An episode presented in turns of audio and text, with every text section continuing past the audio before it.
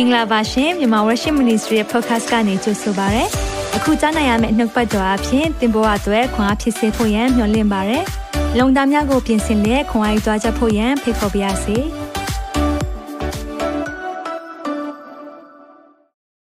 အားလုံးပဲမင်္ဂလာပါဖျာရှင်ကောင်းမြတ်တယ်ဟာလေလုယာရှင်ဒီဘလောက်ဆိုးရပါစေ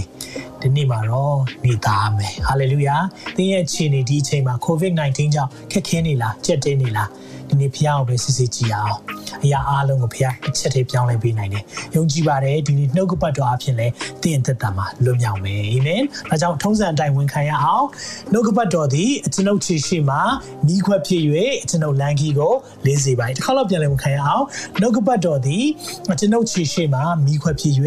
အကျွန်ုပ်လမ်းကြီးကိုလင်းစေပါဒီနေ့ကြားနာမယ်နှုတ်ပတ်တော်အဖြစ်သင်သွားရမယ်လမ်းလင်းပါလိမ့်မယ်ဘုရားကဘာလုပ်ရမလဲဆိုတာကိုဖွင့်ပြပါလိမ့်မယ်ဟာလေလုယာယုံကြည်ပါသလားဒီနေ့တော့ကျွန်တော်တို့အနှစ်ချုပ်ကဏ္ဍလေးဖြစ်တဲ့အခါမှာ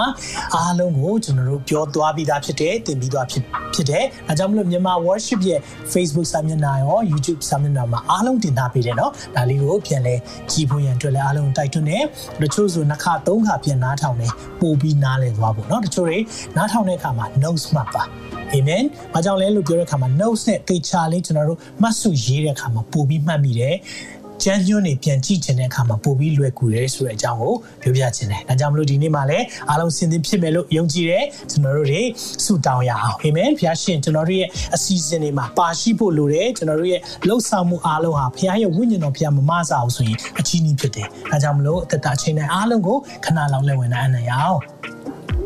အသက်ရှင်သောထာဝရမြတ်စွာသောဘုရားသခင်ကိုရရဲ့နာမတော်ကိုအထူးပဲချီးမွမ်းပါတယ်ကိုရောကိုအထူးပဲကျေးဇူးတင်ပါတယ်ဒီနေ့ညမှာလည်းတစ်ဖက်ဆုံးတွေ့ခွင့်ပေးတယ်ကိုရရဲ့ဘုန်းတော်နာမတော်တာကြီးဘုန်းကြီးပါစေကျွန်တော်တို့ရဲ့ခွန်အားနဲ့လာခြင်းမဟုတ်ပါကိုရောရဲ့ခွန်အားနဲ့လာခြင်းဖြစ်ပါတယ်ကိုရောရဲ့တန်ရှင်းသောဝိညာဉ်တော်ဘုရားဒီနေ့မှာကျွန်တော်တို့ကိုနှုတ်ပတ်တော်နားလေစေပါတမန်တရားကိုအကျွင့်မဲ့တွင်တင်ပြတာသောဝိညာဉ်တော်ကိုရောကိုဖိတ်ခေါ်ရနေရပေးတဲ့ကျူဆိုရင်ကျွန်တော်တို့ရဲ့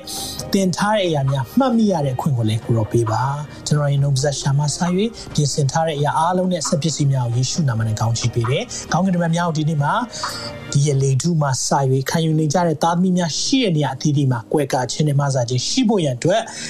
အခုညီတောင်းပါတယ်ယေရှုနာမ၌တပ်ဖြန့်ထားပါတယ်။တန်ရှင်တော်ဝိညာဉ်တော်ဖျားလမ်းပြပို့ဆောင်ပါမိကြောင်းတပါးဒီယောသားရမီယေရှုနာမ၌စက္ကန့်နဲ့ဆုတောင်းပါ၏။အာမင်အာမင်ဟုတ်ပြီကျွန်တော်တို့တွေ spiritual warfare နဲ့ပတ်သက်ပြီးကျွန်တော်တို့ရှစ်ပိုင်းနော်လေ့လာလာပြီဒါကကိုးပိုင်းမြောက်ဖြစ်နေပြီဆိုတော့ ကျွန်တော်တို့တွေလက်နက်တွေအကြောင်းတပတ်ပြီးတပတ်ကျွန်တော်တို့အသေးစိတ်နည်းနည်းနည်းနည်းလေ့လာခဲ့ကြတယ်ဆိုတော့ဒီနေ့မှာတော့ကျွန်တော်ယုံကြည်ပါတယ်လေ့လာထားတဲ့သူတွေဘယ်လောက်မှတ်မိလဲဆိုတာကိုအာ checking learning ပေါ့နော်ကျွန်တော်တို့ learning လုပ်ထားတဲ့အရာလေးတွေကိုပြန်ပြီးတော့အာညံစမ်းလေးပေါ့နော်ကျွန်တော်တို့ behavior လေးတွေနည်းနည်းဖြည့်ကြည့်အောင်မခက်ပါဘူးเนาะအားလုံးခက်မှန်းကြည့်ရင်နံကြားထောက်ရင်တော့မှရနိုင်တဲ့အရာလေးတွေဖြစ်တယ်ဒါကြောင့်မလို့ spiritual warfare quiz လေးတွေဖြည့်ကြည့်အောင်စဉ်းသင်ဖြစ်ပြီလားစဉ်းသင်ဖြစ်မယ်လို့ထင်ပါတယ်เนาะဒီအချိန်ကကျွန်တော်အပျော်ဆုံးပဲเนาะခါတိုင်းဆိုရင်ကျွန်တော်ပဲဟောနေရဒီနေ့တော့မိတ်ဆွေတွေကအာဖြည့်ရမယ်ပါဝင်ရမယ်เนาะဒါကြောင့်မလို့ကိုယ့်ရဲ့အဖြေဥမာ1ဆိုရင်1ပြီးရင် A လား B လားเนาะရေးပေးပါလို့เนาะဆိုတော့ဖြစ်နိုင်တယ်ဆိုရင်เนาะဒီနေ့မလုပ်စီချင်လဲဆိုတော့စာရွက်အလွတ်တစ်ခုပေါ့เนาะစာရွက်အလွတ်တစ်ခုနဲ့ဘောပင်လေးနဲ့အရင်ဆုံးเนาะ မြန်မြန်သွားမှာဆိုလို့ဒါလေးနဲ့ဖြည့်ပေးစီခြင်းတယ်နော်ဆိုတော့ဒါလေးကိုခဏလောက်ကြည့်အောင်မများပါဘူးမိကွန်း10ခုပဲရှိတယ်အဲ့ဒါပြီးရင်တော့ကျွန်တော်တို့တွေတခြား surprise တွေရှိကောင်းရှိနိုင်တယ်ကြည့်အောင်နော်ဟုတ်ပြီ ဟုတ်ပြီပထမမေခွန်းနံပါတ်1ကစာတန်ရဲ့ဒုတာဝန်အရေး၃ပါးကိုပြောပြပါစာတန်ရဲ့ဒုတာဝန်အရေး၃ပါးအပတ်တိုင်းမှာကျွန်တော်ပြောတယ်ဆိုတော့သင်ခန်းစာတွေမသိဘူးဆိုရင်တော့မှဒီချက်တော့သိကိုသိမယ်လို့ထင်ပါတယ်နော်သုံးမှတ်ရမယ်သုံးမှတ်ရမယ်ဒီမေခွန်းကတော်တော်လေးတန်ဖိုးတန်ဖိုးရှိတဲ့မေခွန်းဖြစ်တယ်စာတန်ရဲ့ဒုတာဝန်အရေး၃ပါးကိုပြောပြပါအဆင်ပြေမလား okay music လေးနည်းနည်းထည့်ရင်ကောင်းမယ်နော် စာတန်ရဲ့ဒုတာဝန်ရေးသုံးပါစင်ပြေမယ်ထင်ပါတယ်နံပါတ်2ယုံကြည်သူများရဲ့ယံသူသည်အသွေးအသားရှိသည်ယုံကြည်သူများ၏ယံသူသည်အသွေးသားရှိသည်မှားလားမှန်လားဖြေပေးပါနံပါတ်2ကမှားမှန်မိခွန်းဖြစ်တယ်ယုံကြည်သူများ၏ယံသူသည်အသွေးသားရှိသည်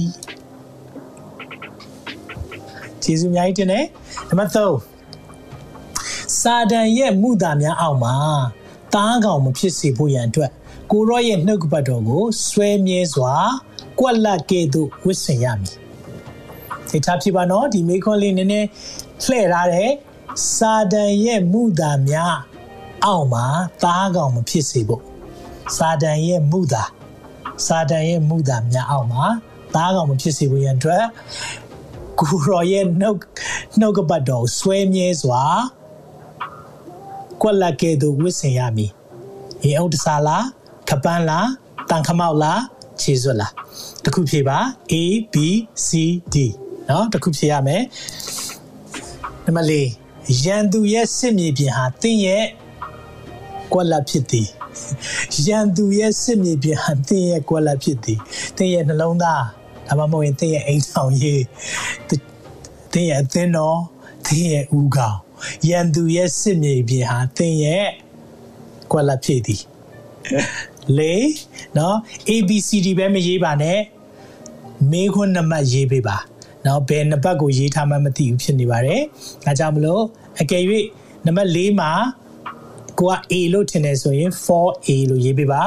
နံပါတ်၄မှာ B လို့ထင်တယ်ဆိုရင် 4B လို့ရေးပေးပါနံပါတ်5မှာ sorry နံပါတ်၄မှာ C လို့ထင်တယ်ဆို 4C မိခွန်းလေးနဲ့အဖြေလေးတွဲပြီးရေးပေးဖို့ရန်အတွက်ဒီနေရာကနေနူးညွတ်ပန်ကြားကြပါရယ်နံပါတ်၄ရန်သူရဲ့စစ်မြေပြင်ဟာတင်းရဲ့ကွက်လက်ဖြစ်သည်โอเคဟုတ်ပြီတော့ဘကျိုးလာပြီเนาะခံစစ်မဟုတ်ပဲတိုက်စစ်အဖြစ်သုံးနိုင်တဲ့လက်နက်သည် A ရေုံတစား B တန်ခမောင်း C ဒိုင်းလွာ D ခြေစွပ်ဖြစ်သည်ခံစစ်မဟုတ်ပဲတိုက်စစ်အဖြစ်လည်းသုံးနိုင်တဲ့လက်နက်ဘယ်ဟာလဲ5 A B C or D တခုဖြေပေးပါ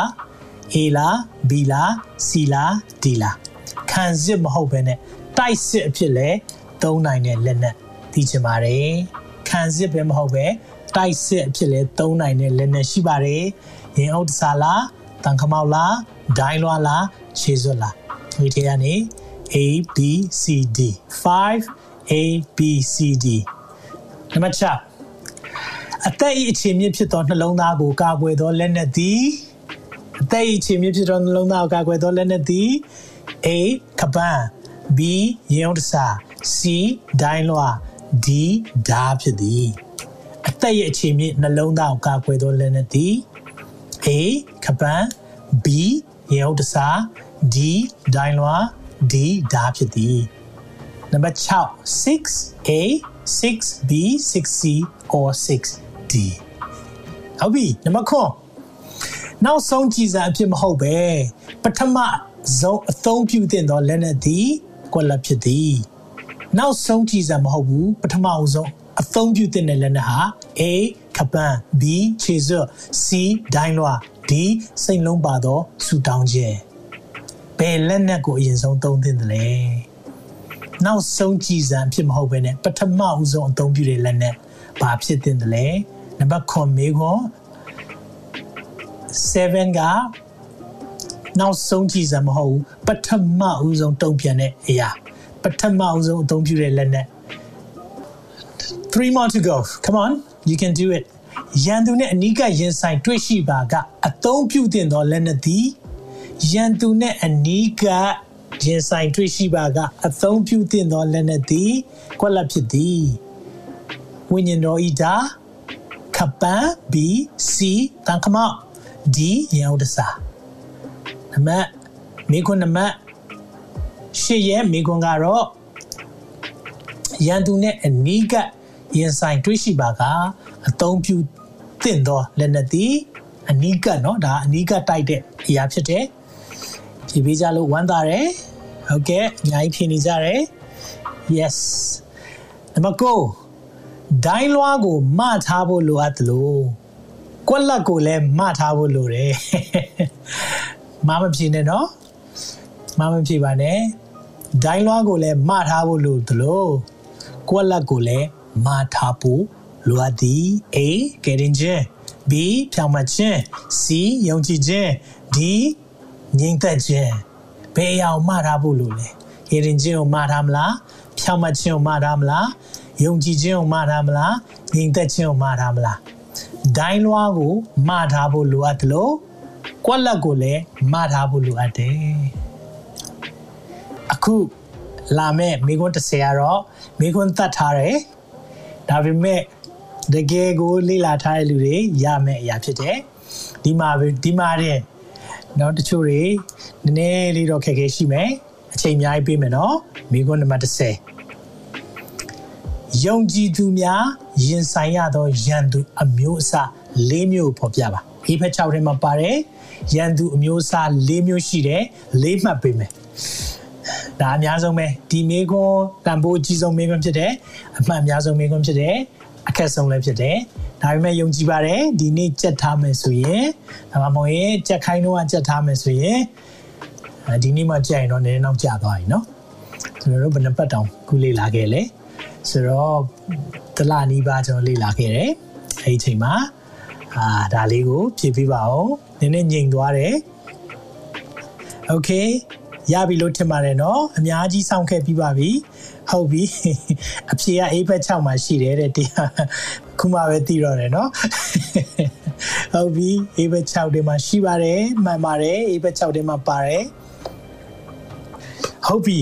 ကဲအားလုံးကျေးဇူးတင်တယ်ကျွန်တော်တို့ဒီလောက်မှာရဲရအောင်ကဲပြောကြလားပြောတယ်နော်ဒီနေ့တော့ကျွန်တော်ပျော်ဆုံးမဲ့ထင်ပါတယ်เนาะခါတိုင်းနေ့တွေဆိုရင်တော့ကိုယ့်ရဲ့သင်ကြားမှုတွေဒါပေမဲ့ဒီຢာလေးတွေကပျော်ဖို့ တက်တက်ပဲမဟုတ်ပါဘူးဒီနေ့နှလုံးသွင်းဖို့เนาะဒီနေ့နှုတ်ပတ်တော်တွေကျွန်တော်လေ့လာတဲ့အခါမှာတော်တော်များများ recall လို့ခေါ်တယ်နော်ဆိုတော့တခု learning လုပ်လာပြီဆိုရင်ကျွန်တော်သင်ကြားမှုတခုလုပ်လာရင် recall ဆိုတာပြန်ပြီးတော့အာအစဖော်တာပေါ့နော်ပြန်ပြီးတော့သုံးသပ်တာပြန်ပြီးတော့ဒီအရာကိုဖော်ထုတ်တဲ့အခါမှာဘလောက်မှတ်မိတယ်လဲဘလောက်ဒီအရာကိုကျွန်တော်တို့တွေနှလုံးသွင်းမိတယ်လဲတိတ်ရေးကြည့်တယ်เนาะဒါကြောင့်မလို့ကျွန်တော်တို့ဒီလိုအရာလေးတွေကအာ surprise အနေနဲ့အပျော်သက်သက်ဒါပဲမဟုတ်ပါဘူးဒီရဲ့လေးနဲ့ချက်တွေမြောက်များစွာပါပါတယ်နော်ဒီတကယ်ဘလောက်ထိရလဲမရအောင်လဲဆိုတဲ့အခါမှာစာစာမွဲဖြေတဲ့အခါမှာကိုယ့်ရဲ့ quality လည်းပေါ်လာတယ်နော်ဒီနေ့မဖြေနိုင်လို့စိတ်ထဲမကြနဲ့အားလုံးပဲဒီနေ့ဘယ်နေရာမှာလိုသွားလဲဆိုတာကျွန်တော်တစ်ချက်လောက်ကြည့်ရအောင်နော်ကဲအားလုံးကိုအဖြေပေးပါမယ်လို့နော်ဟုတ်ပြီဆက်ပြီးတော့ကျွန်တော်တို့အဖြေလေ့လာရအောင် answer are you ready for that နော်အားလုံးဖြည့်ပြီးပြီလို့ထင်ပါတယ်နော်ဆရာမတခုခွနဲ့ရည်နေတယ်သူလဲဘာတွေကြည်နေလဲတော့မသိဘူးနော်ဆိုတော့ comment လေးတွေကြည့်ပြီးတော့သဘောကျလို့ပါနော်ပြောပါတယ်နှလုံးသွင်းပါတယ်နော်ဟုတ်ပြီ answer အဖြေလေးတွေရှိပါတယ်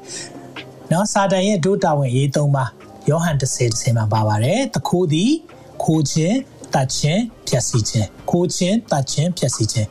ငါလာဤเนาะတခိုးရန်သူစာတန်ခိုးမယ်တတ်မယ်ဖြတ်စီမယ်ဒါသူ့ရဲ့ဒုတာဝန်ရေးသုံးပါဖြစ်တယ်เนาะဒါကြောင့်မလို့ဒါမှเนาะစာတန်ရဲ့တာဝန်ရေးသုံးပါပဲဖြစ်ပါတယ်ဒါပေမဲ့မှတ်မိသွားအောင်လို့ဒုတာဝန်ရေးသုံးပါလို့ရေးထားတာဖြစ်တယ်တကယ်တော့အမှန်ဖြစ်ရမှာဒီစာတန်ရဲ့အရေးသုံးပါစာတန်အရေးသုံးပါဒီခိုးမယ်တတ်မယ်ဖြတ်စီမယ်เนาะဒါမဲ့သခင်ခရစ်တော်ကတော့ငါမူကားသူတို့သည်အသက်လွတ်ယုံမြမကအသက်ပဲလွတ်ဖို့မဟုတ်အထူးသဖြင့်အသက်နဲ့ပြည့်စုံဖို့ ဒီနေ့ကျွန်တော်တို့ကိုဖခင်ကလေလောကမှာနေတဲ့အခါမှာ abundant life ကျွယ်ဝတဲ့အသက်တာနော်ပြည့်စုံတဲ့သက်တာရှိစေခြင်းနဲ့နော်ဒီလိုပြောလို့ချမ်းသာကြွယ်ဝရမယ်တခုပဲပြောတာမဟုတ်ဘူးအရာအားလုံးမှာဖခင်ဝိညာဉ်ထဲမှာပြည့်ဝစေခြင်းနဲ့ဒါအောင်နားလည်စေခြင်းနဲ့နံပါတ်1မိကောယုံကြည်သူများရဲ့ရန်သူဒီအသွေးသားရှိသည်မှားပါတယ်အေဖက်6စနစ်ထဲမှာပြောထားတယ်ဆိုတော့ငါတို့ဒီအသွေးသားရှိသောရန်သူတို့ ਨੇ စိုင်ပြိုင် တိုက်လှန်ရကြသည်မဟုတ်အသွေးသားမရှိဘူးအသွေးသားမရှိဘူးဆိုတဲ့အခါမှာနားလဲပါကိုယ့်ကိုမကောင်းပြောတဲ့သူတွေအတင်းပြောတဲ့သူတွေတိုက်ခိုက်တဲ့သူတွေကိုယ်နေနားမှာရှိလိမ့်မယ်ဒါမဲ့သူတို့မဟုတ်ဘူးသူတို့ကိုအသုံးချတဲ့ဝိညာဉ်စုဖြစ်တယ်ဆိုတာသိဖို့လိုတယ်ဝမ်းနေဖို့ကောင်းတာဒီလူတွေကအသုံးချခံနေရတယ်ဒါကဝမ်းနေဖို့သိကောင်းတယ်ဒါမဲ့ကိုလည်းအဲ့ဒီထဲမှာပါသွားနိုင်တယ်ဒါကြောင့်ကျွန်တော်ဒီညမှာနှုတ်ကပတ်တော်အထူးပဲဆင်ခြင်ရအောင်ဒါလေးကိုပြောပြချင်တယ် နောက်နံပါတ်3မိခွန်သွားမယ်ဆိုရင်တော့စာတန်ရဲ့မူတာလို့ပြောတဲ့အခါမှာเนาะမူတာရဲ့စန့်ကျင်ဘက်ကအမြဲတမ်းတမန်တရားဖြစ်တယ်မှတ်ထားပါမူတာရဲ့စန့်ကျင်ဘက်ကတမန်တရားတမန်တရားလို့ပြောလိုက်ရင်တစ္ဆာတည်ဟူသော ခပန်းဖြစ်တယ်။ဒါကြောင့်မလို့နံပါတ်3ရဲ့အဖြေက B ဖြစ်ပါလိမ့်မယ်။ခပန်းဖြစ်ပါတယ်နော်။နော်ဒါနည်းနည်းလေးမင်းခွန်းလှည့်ထားတယ်။မူတာအောက်မှာသားကောင်မဖြစ်လို့ဖြစ်ဖို့ဖခင်ရဲ့နှုတ်ကပတ်တော်ကိုမြင်းမြတ်စွာဘာလို့နဲ့စားရမလဲ။တစ္ဆာခပန်းအနေနဲ့တတ်ထားမှုလို့ရတယ်။ဒါလေးကိုအဖြေပြောပြခြင်းနဲ့နောက်နံပါတ်4ကတော့ရန်သူရဲ့စစ်မြေပြင်ဟာတင်းရဲ့အိမ်တော်ကြီးမဟုတ်ပါဘူးเนาะတချို့တွေအိမ်တော်ကြီးထဲမှာ စင်မြေပြင်ဖြစ်နေတယ်လို့ထင်တဲ့လူရှိကောင်းရှိလိမ့်မယ်တကယ်လဲ ဖြစ်နေကောင်းဖြစ်လိမ့်မယ်ဒါပေမဲ့ဒီနေရာမှာတကယ်ရန်သူအစ်စ်မှန်ကစာတန်ဖြစ်တယ်ပြီးရင်ကျွန်တော်တို့ဥကောင်းเนาะစစ်မြေပြင်ဒီနေရာမှာအမြဲတမ်းအတွေးနဲ့တိုက်ခိုက်တယ်အတွေးမှရင်အမြင်မှားပြီအမြင်မှားရင်အပြောမှားပြီအကုန်လုံးဆက်ဆက်တယ်အဲကြောင့်မလို့ကျွန်တော်တို့တွေသတိထားဖို့လိုတယ်ရန်သူရဲ့စစ်မြေပြင်ဟာသင်ရဲ့ဥကောင်းဖြစ်တယ်ဆိုတာသိစေချင်တယ်နောက်နံပါတ်5အမေခွန်ဟာခံစစ်ပဲမဟုတ်ပဲတိုက်စစ်အဖြစ်သုံးနိုင်တဲ့လက်နက်ကတခြားမဟုတ်ပါဘူး ဒိုင်းလွားဖြစ်ပါတယ်ဒိုင်းလွားเนาะခံစစ်ဒိုင်းလုပ်လို့ရတယ်ဒါမှမဟုတ်ရင်တိုက်လို့ရတယ်เนาะဒါဟာဒိုင်းလွားဖြစ်တယ်ဟုတ်ပြီအသက်ရဲ့အခြေမြစ်ဖြစ်တဲ့နှလုံးသားကိုကာကွယ်တာကတော့ရင်အုပ်တစားเนาะနှလုံးသားမှာကာကွယ်တဲ့အရာဒီရင်အုပ်တစားနံပါတ်6ရဲ့အဖြစ်ဒီ B ဖြစ်မယ်ရင်အုပ်တစားနံပါတ်9နောက်ဆုံးကြည်စံဖြစ်မဟုတ်ဘဲနဲ့ပထမဆုံးအသုံးပြုတဲ့လက်နက်က ဒီစိတ်နှလုံးပါသောဆူတောင်းခြင်းကျွန်တော်တို့ဆူတောင်းခြင်းကိုအမြဲတမ်းနောက်ဆုံးမှထားတတ်တယ်။ပြဿနာတစ်ခုဖြစ်ပေါ်လာပြီးအခက်အခဲရှိလာပြီးဆိုရင်ချက်ချင်းဖျားရှိမှဒူးထောက်ဆူတောင်းအောင်မယ်အစားကျွန်တော်တို့တယောက်ယောက်အပြစ်တင်မယ်စကားများမယ်အပြစ်ဖို့မယ်နော်ရံမှုမယ်ပြီးကြမှာပဲနောက်ဆုံးမတတ်နိုင်မှာအရက်ကူပါလူဝိုင်းမှာအဲ့ဒါမဟုတ်တော့ဘူးဆိုမှပဲဖျားစီမှာဆူတောင်းခြင်းနဲ့လာတယ်တကယ်တော့ ကျွန်တော်ပထမဆုံးလုပ်တဲ့အရာဟာဘာလဲဆိုရင်တော့စိတ်နှလုံးပါသောဆူတောင်းခြင်းဖြစ်တယ်เนาะတချို့တွေကပန်းလို့ဖြစ်တယ်ဘာလို့ဆိုတော့ကပန်းကတော့ပထမဆုံးလက်နဲ့တက်စင်တာဖြစ်နေတဲ့အတွက်เนาะမိကွန်လေးကနည်းနည်းလေးလှည့်ထားပါတယ်လို့เนาะနံပါတ်၈ရန်သူနဲ့အနီးကပ်ရင်ဆိုင်တွေ့ရှိပါကအသုံးပြုတဲ့လက်နက်ကဝိညာဉ်တော်ရဲ့ဓာတ်ဖြစ်တယ်เนาะနှုတ်ကပတ်တော်ဓာတ်ကအနီးကတိုက်တဲ့အရာဖြစ်တယ်ကပန်းတို့တန်ခမောက်တို့ရင်အုပ်တစားတို့ကအကာအကွယ်ဖြစ်တယ်ဒါမဲ့တကယ်တမ်းသုံးပြုပြီးရန်သူကိုအနီးကတိုက်ခိုက်တော့မယ်ဆိုရင်เนาะ နှုတ်ကပတ်တော်ဝိညာဉ်တော်ရဲ့ဓာဖြစ်တယ်ဒါကိုပြောပြချင်တယ်ဒါကြောင့်မလို့နံပါတ်8ရဲ့အဖြေကတော့ 8A ဖြစ်လိမ့်မယ်နော်ဟုတ်ပြီဒိုင်းလွားကိုမထားဖို့လိုသလိုနေအဖြေပေါ်သွားတယ်ယုံကြည်ခြင်းကိုလည်းမထားဖို့လိုအပ်တယ်เนาะယုံကြည်ခြင်းကိုလည်းမထားကြပါဒိုင်းလွားကိုမထားဖို့လိုတယ်ယုံကြည်ခြင်းကိုလည်းမထားဖို့လိုတယ်เนาะဟုတ်ပြီ yes နော် I love surprises တဲ့နော်ဟုတ်ပြီကဲနောက်ဆုံးမိကောယုံကြည်သူများရင်ဆိုင်ရတဲ့ရန်သူအမျိုးအစား၄မျိုးပေါ်ပြပါနော်ရန်သူမျိုးစား၄မျိုးရှိတယ်အဲ့ဒီမျိုးစား၄မျိုးကိုတောက်ပတ်တော်ထဲမှာကြီးတဲ့အခါမှာငယ်၁၂မှာရှိတယ်အထွတ်အမြတ်အာနာဇက်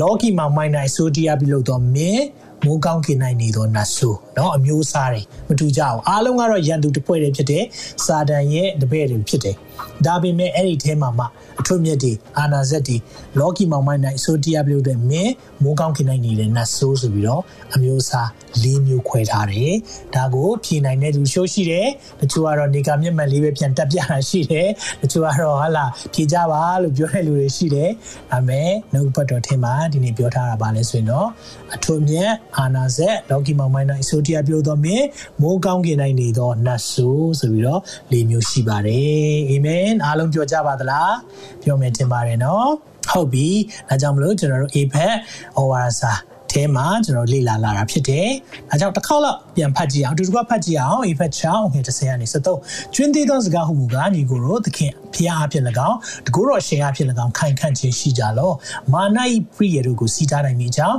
ဖျားသခင်ပြည့်စုံတော်မူသောလက်နက်ဆောင်ကိုဝတ်ဆောင်ကြလောအကြောင်းမူကားငါတို့သည်အသွေးအသားရှိသောရန်သူတို့နှင့်ဆိုင်ပြိုင်တက်လည်ရကြသည်မဟုတ်အထွတ်အမြတ်တို့နှင့်၎င်းအာနာဇက်တို့နှင့်၎င်းလောကီမောင်မိုက်၌အစိုးတရားပြုလို့သောမင်းတို့နှင့်၎င်းမိုးကောင်းခင်နိုင်နေသောနတ်ဆိုးတို့နှင့်၎င်းဆိုင်ပြိုင်တက်လည်ရကြ၏ထို့ကြောင့်ခရင်ဆိုးရုပ်သောနေ့ရက်ကာလ၌စီးတားနိုင်သဖြင့်ကိစ္စအလုံးစုံတို့ကိုပြီးဆွေခံရနိုင်မိကြောင်းဖျားသခင်ပြည့်စုံတော်မူသောလက်နက်ဆောင်ကိုယူဆောင်ကြလောအဲ့ဒီမှာကျွန်တော်တို့ပြောထားတယ်ကဲကျွန်တော်အနေငယ်ဒါလေးကိုရှင်းပြခြင်းနဲ့ဟုတ်ပြီဆိုတော့ဒါဘာလဲလို့ပြောတဲ့အခါမှာတော့သစ္စာတည်ဟူသောကပန်းဘာကြောင့်သစ္စာကပန်းကိုစီးခိုင်းနေတယ်လဲဒီနေ့သစ္စာအင်္ဂလိပ်ကျမ်းစာမှာတော့ truth တမန်တရားတမန်တမတ်ဖြစ်ခြင်း တမန်တရားရှိခြင်းကိုဖះဘာနဲ့ခိုင်းနိုင်ထားလဲဆိုတော့ခပတ်ဆိုတဲ့ခပန်းကဲ့သို့ပဲယောမစစ်သားတွေရဲ့ဝတ်တဲ့ဒီစစ်ဝတ်ဒဇာတွေထဲမှာဘာရေးကြည့်လဲဆိုတော့ခပန်းရေးကြည့်တယ်။ဘာကြောင့်လဲခပန်းမပိုင်ရင်တခြားလက်နက်တွေတတ်ဆင်လို့မရဘူး။နှုတ်ကပတ်တော်ဒါဝိညာဉ်တော်ဒါလည်းတတ်ဆင်လို့မရသလိုပြီးရင်ဘာလည်းတတ်ဆင်လို့မရအောင်လဲဆိုရင်တခြားလက်နဲ့တင်နော်ဒီနေ့တတ်ဆင်လို့မရအောင်ရည်ဘူးတောင်ချိန်လို့မရအောင်နော်ဘာကြောင့်လဲဒီရဲ့ကပန်းမရှိရင် တခြားချက်ဝတ်တစားတွေကလည်းလှုပ်လှုပ်လှုပ်လှုပ်ဖြစ်ကုန်တယ်။နောက်ပြီးရင်အရေးကြီးဆုံးဖြစ်တဲ့အစိတ်ပိုင်းတွေကိုကာကွယ်ခြင်းပါလေဒီနေ့ကပန်းကအရေးကြီးတယ်။ဒါကြောင့်တစ္ဆာတိဟုသောကပန်းတမန်တရားကိုပြောတာ။အဲအဲကြောင့်မာနကလေကျွန်တော်တို့ဘာနဲ့တိုက်ခိုက်လဲမူတာနဲ့တိုက်ခိုက်တယ်ဟာနင်းဖျောက်မယုံကြည်နဲ့ဒီနေ့အာနှုတ်ကပတ်တော်ကြည်တာဘာထူးမှလဲဟာဒီနေ့ဒါတွေက bill ကုန်ပါတယ်မူတာနဲ့ပြောမယ့်အရာရှိတဲ့အခါမှာအမြဲတမ်းပြန်နေတုံ့ပြန်မှာတမန်တရားဖြစ်တယ်အဲ့ဒီတမန်တရားကိုခပန်းကဲသူစီးပါ အဲကြောင့်မလို့ခုနတချို့လူတွေ comment ထဲမှာတွေ့လိုက်တယ်စာတန်ဘာနဲ့တိုက်ခိုက်လဲတဲ့လိန်လဲအောင်မူတာပြောအောင်တိုက်ခိုက်နေတယ်တဲ့ဒါကိုဘာနဲ့ကာကွယ်ရမလဲတမန်တရားနဲ့ကာကွယ်ရမယ်ဒီနေ့ဖခင်ရဲ့တမန်တရားကောင်းကင်နဲ့မြေကြီးမတည်ငါစကားတည်မယ်ဖခင်ပြောတဲ့အရာဒီဟုတ်ဒီကိုဟုတ်မဟုတ်ဒီကိုမဟုတ်ဖြစ်ဖို့ပဲဖြစ်တယ်ဟာလေလုယာဒါဒီသစ္စာကမန်ဖြစ်တယ်ပြီးရင်နံပါတ်2အချက်ကပါလဲဆိုတော့ဖြောင့်မတ်ခြင်း ပါရမီတူသောရင်အုပ်တစားကိုဝတ်ဆင်ရမယ်။ဖြောင့်မတ်ခြင်းရင်အုပ်တစားဘာကြောင့်လဲနှလုံးကိုကာကွယ်တာ။ဖြောင့်မတ်ခြင်းဆိုတာကျွန်တော်တို့ရဲ့နှလုံးသားဖြစ်တယ်။ဒီနှလုံးသားဟာအသက်ရဲ့အခြေအနေတဲ့။ဘယ်လောက်ထိအရေးကြီးလဲ။ကျွန်တော်တို့ယုံကြည်သူများဖြောင့်မတ်မှန်ကန်ဖို့နှုတ်ပတ်တော်ထဲမှာဖတ်ရင်လေအလေးခိုးတာတော့ဘုရားမကြိုက်။ဒါဒီနေ့ကျွန်တော်တို့တရားဟောအကျမ်းတွေအခုကျွန်တော်နဲ့ဆရာမနဲ့ဖတ်နေတဲ့အခါမှာအလေးခိုးတဲ့အရာဘုရားလုံးဝမကြိုက်ဘူး။ဟော fair မဖြစ်တဲ့အရာလုံးဝမကြိုက်ဘူး။အဲကြောင့်ဖြောင့်မတ်မှန်ကန်စွာအသက်ရှင်နေသူနော်တခါလေကြာရမင်းကစာအုပ်ကြီးပါကွာပြောလိမ့်မယ်။ဒါပေမဲ့ကိစ္စမရှိဘူး။ဖြောင့်မတ်မှန်ကန်စွာအာသူများမိုးခါရီတောက်တိုင်းဟုတ်လားယောမမှာရောက်လို့ယောမလို့ကျင်ရမယ်။ဒါပေမဲ့သူများမိုးခါရီတောက်တိုင်းတောက်ဖို့မဟုတ်ဘူး။ဒီနေ့ယုံကြည်သူများဟာ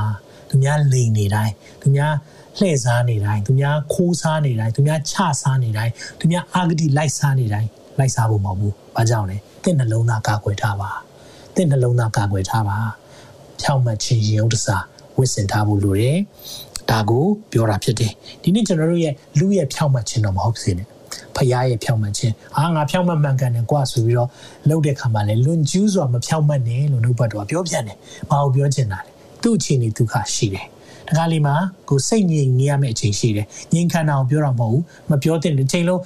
တွေ့တာနဲ့ဟာဒါကြီးကတော့မမှန်ဘူးဆရာဟောတာမှားတယ်စသဖြင့်ဟိုကိုကအကုန်လုံးလည်းသိတာမဟုတ်ဘဲနဲ့ဖြောင်းမမှန်ကန်တယ်ဆိုပြီးတော့လူရှိမှပြောနေမယ်ဆိုရင်တော့လေဒါဖြောင်းမမှန်ကန်ခြင်းစင်မှာမဟုတ်ဘူးဒါလူရဲ့ဖြောင်းမှန်ခြင်းဒါပေမဲ့ဖခင်ရဲ့ဖြောင်းမှန်ခြင်းကြတော့ပါလဲဆိုရင်တော့ဖခင်ရဲ့တန်ရှင်းခြင်းရဲ့ဖခင်ရဲ့ holiness တီးတန့်ဖယ်ထားခြင်းဒီအရာအပြင်ကျွန်တော်တို့ရဲ့သက်တာကိုဖခင်ကဝတ်ဆင်စေခြင်းတယ်တနည်းအားဖြင့်ဖြောင်းမမှန်ကန်ခြင်းဆိုပါလေသခင်ယေရှုကိုယူတင်ဝတ်ဆောင်တာတ ခါလေမိခွန်းနေမေးလာတယ်ဆရာဒါလုပ်လို့ရလားဒါလုပ်လို့ရလားဒါလုပ်လို့ရလားမိခွန်းနေအများကြီးကျွန်တော်ရတယ်ကျွန်တော်မိခွန်းတစ်ခုပဲပြန်ဖေးလိုက်တယ်ဒီနေရာမှာသခင်ယေရှုဘာလုပ်မလဲတချို့မေးလာတယ်ဆရာနှလုံးသုံးလုံးထီတွေထိုးလို့ရလားကျွန်တော်မိခွန်းကသခင်ယေရှုဆိုရင်အဲ့နေရာမှာဘာလုပ်မလဲဒါဆိုအဖြေကပေါ်နေပြီဟာဆရာဒါကအစိုးရတရားဝင်လုပ်ထားတဲ့အရာမဟုတ်ဘူးလား အစိုးရတရားဝင်လှုပ်ထားတဲ့အရာမှန်သမျှသာလှုပ်ခွင့်ရမယ်ဆိုရင်လေဩစတြေးလျမှာလေလောင်းကစားလဲလုပ်လို့ရတယ် gambling တွေတရားဝင်ဖွင့်ထားပေးတာအရက်ဆိုင်တရားဝင်ဖွင့်ထားပေးတယ်တောက်လို့ရလား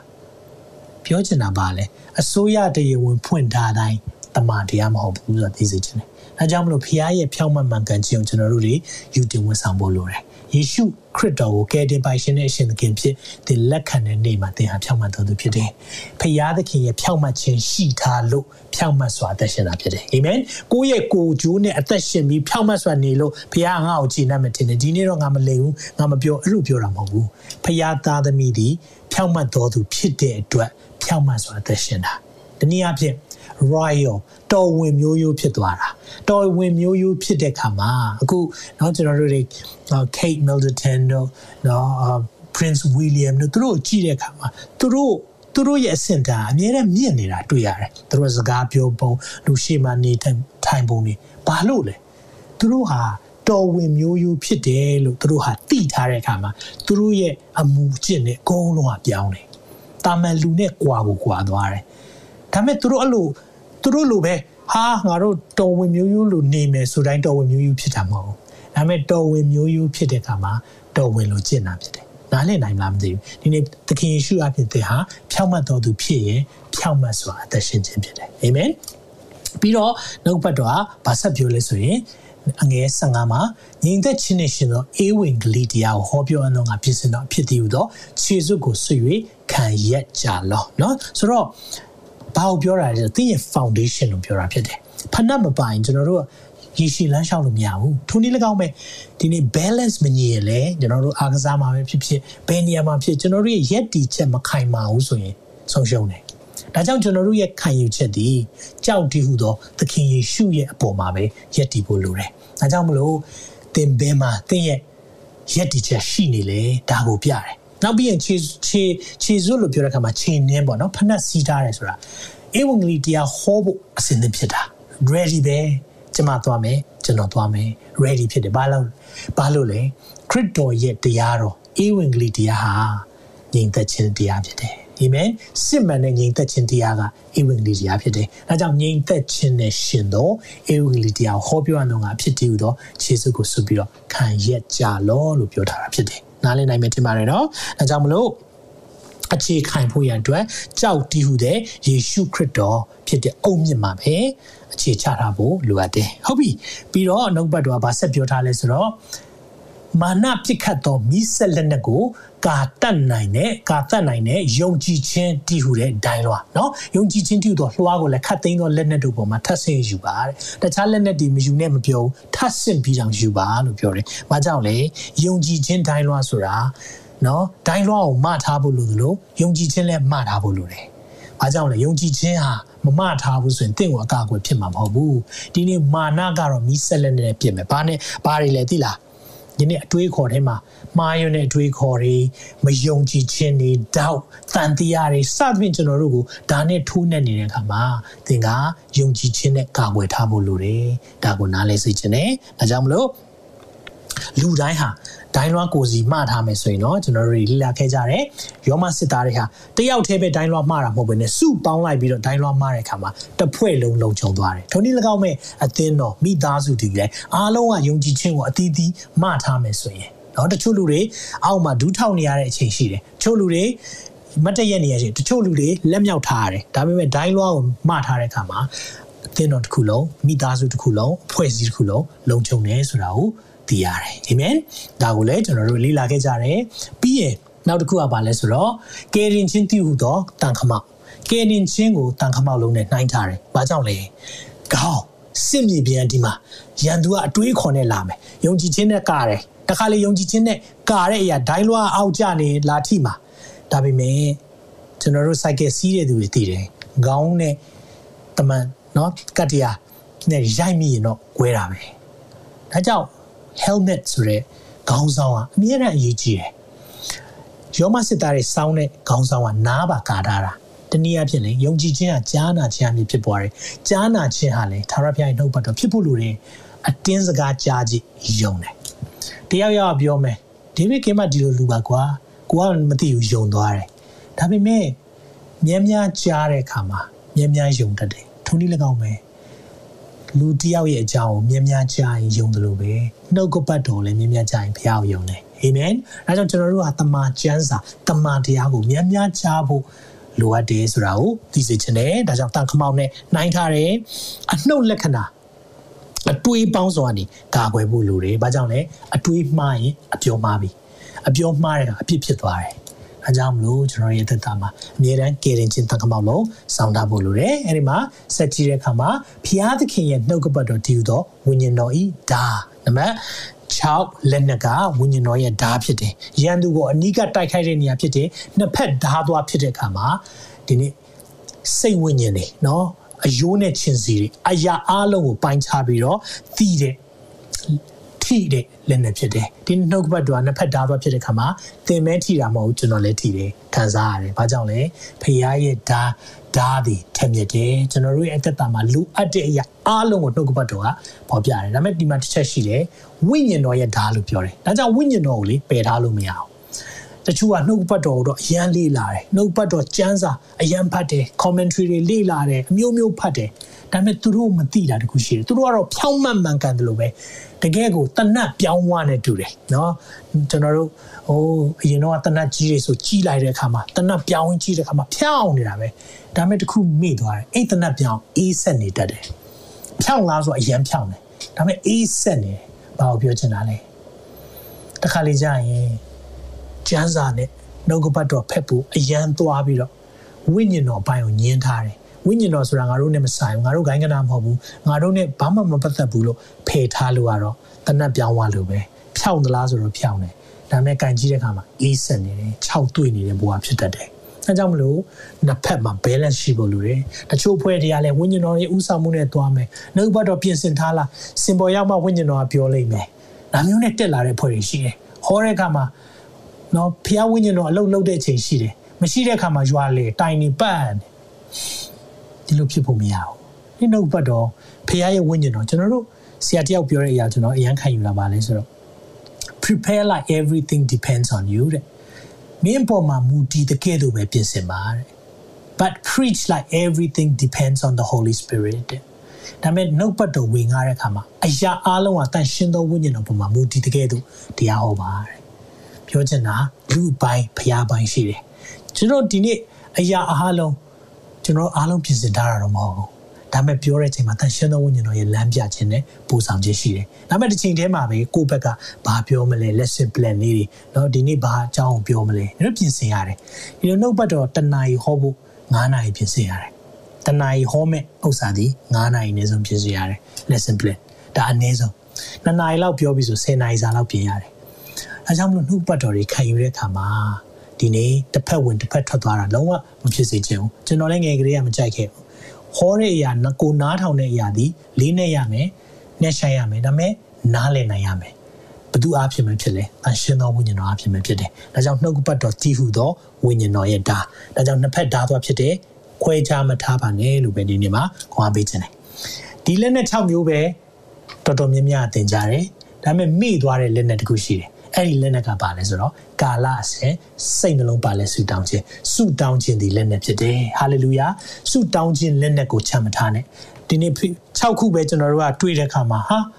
ဒါပဲလား no 7 completion ပြည့်စုံခြင်းတစ်ပတ် ဆုတောင်းခြင်းပါမှပြည့်စုံတယ်ဟာလေလုယာဆုတောင်းခြင်းပါမှတင်းလက်နဲ့ပြည့်စုံတယ်လို့ comment ရေးပါအောင်ဆုတောင်းခြင်းပါမှလက်နဲ့စုံပြည့်စုံတယ်ဟာလေလုယာဒီနေ့မှာလှုပ်ဝက်လက်နဲ့ဖြစ်တယ်အရေးပါတဲ့လက်နဲ့ဖြစ်တယ်ပထမဦးဆုံးသုံးသင့်တဲ့လက်နဲ့ဖြစ်တယ်နောက်ဆုံးကြမှာကျွန်တော်တို့ကဆုတောင်းခြင်းလက်နဲ့အဖြစ်သုံးတဲ့အခါမှာ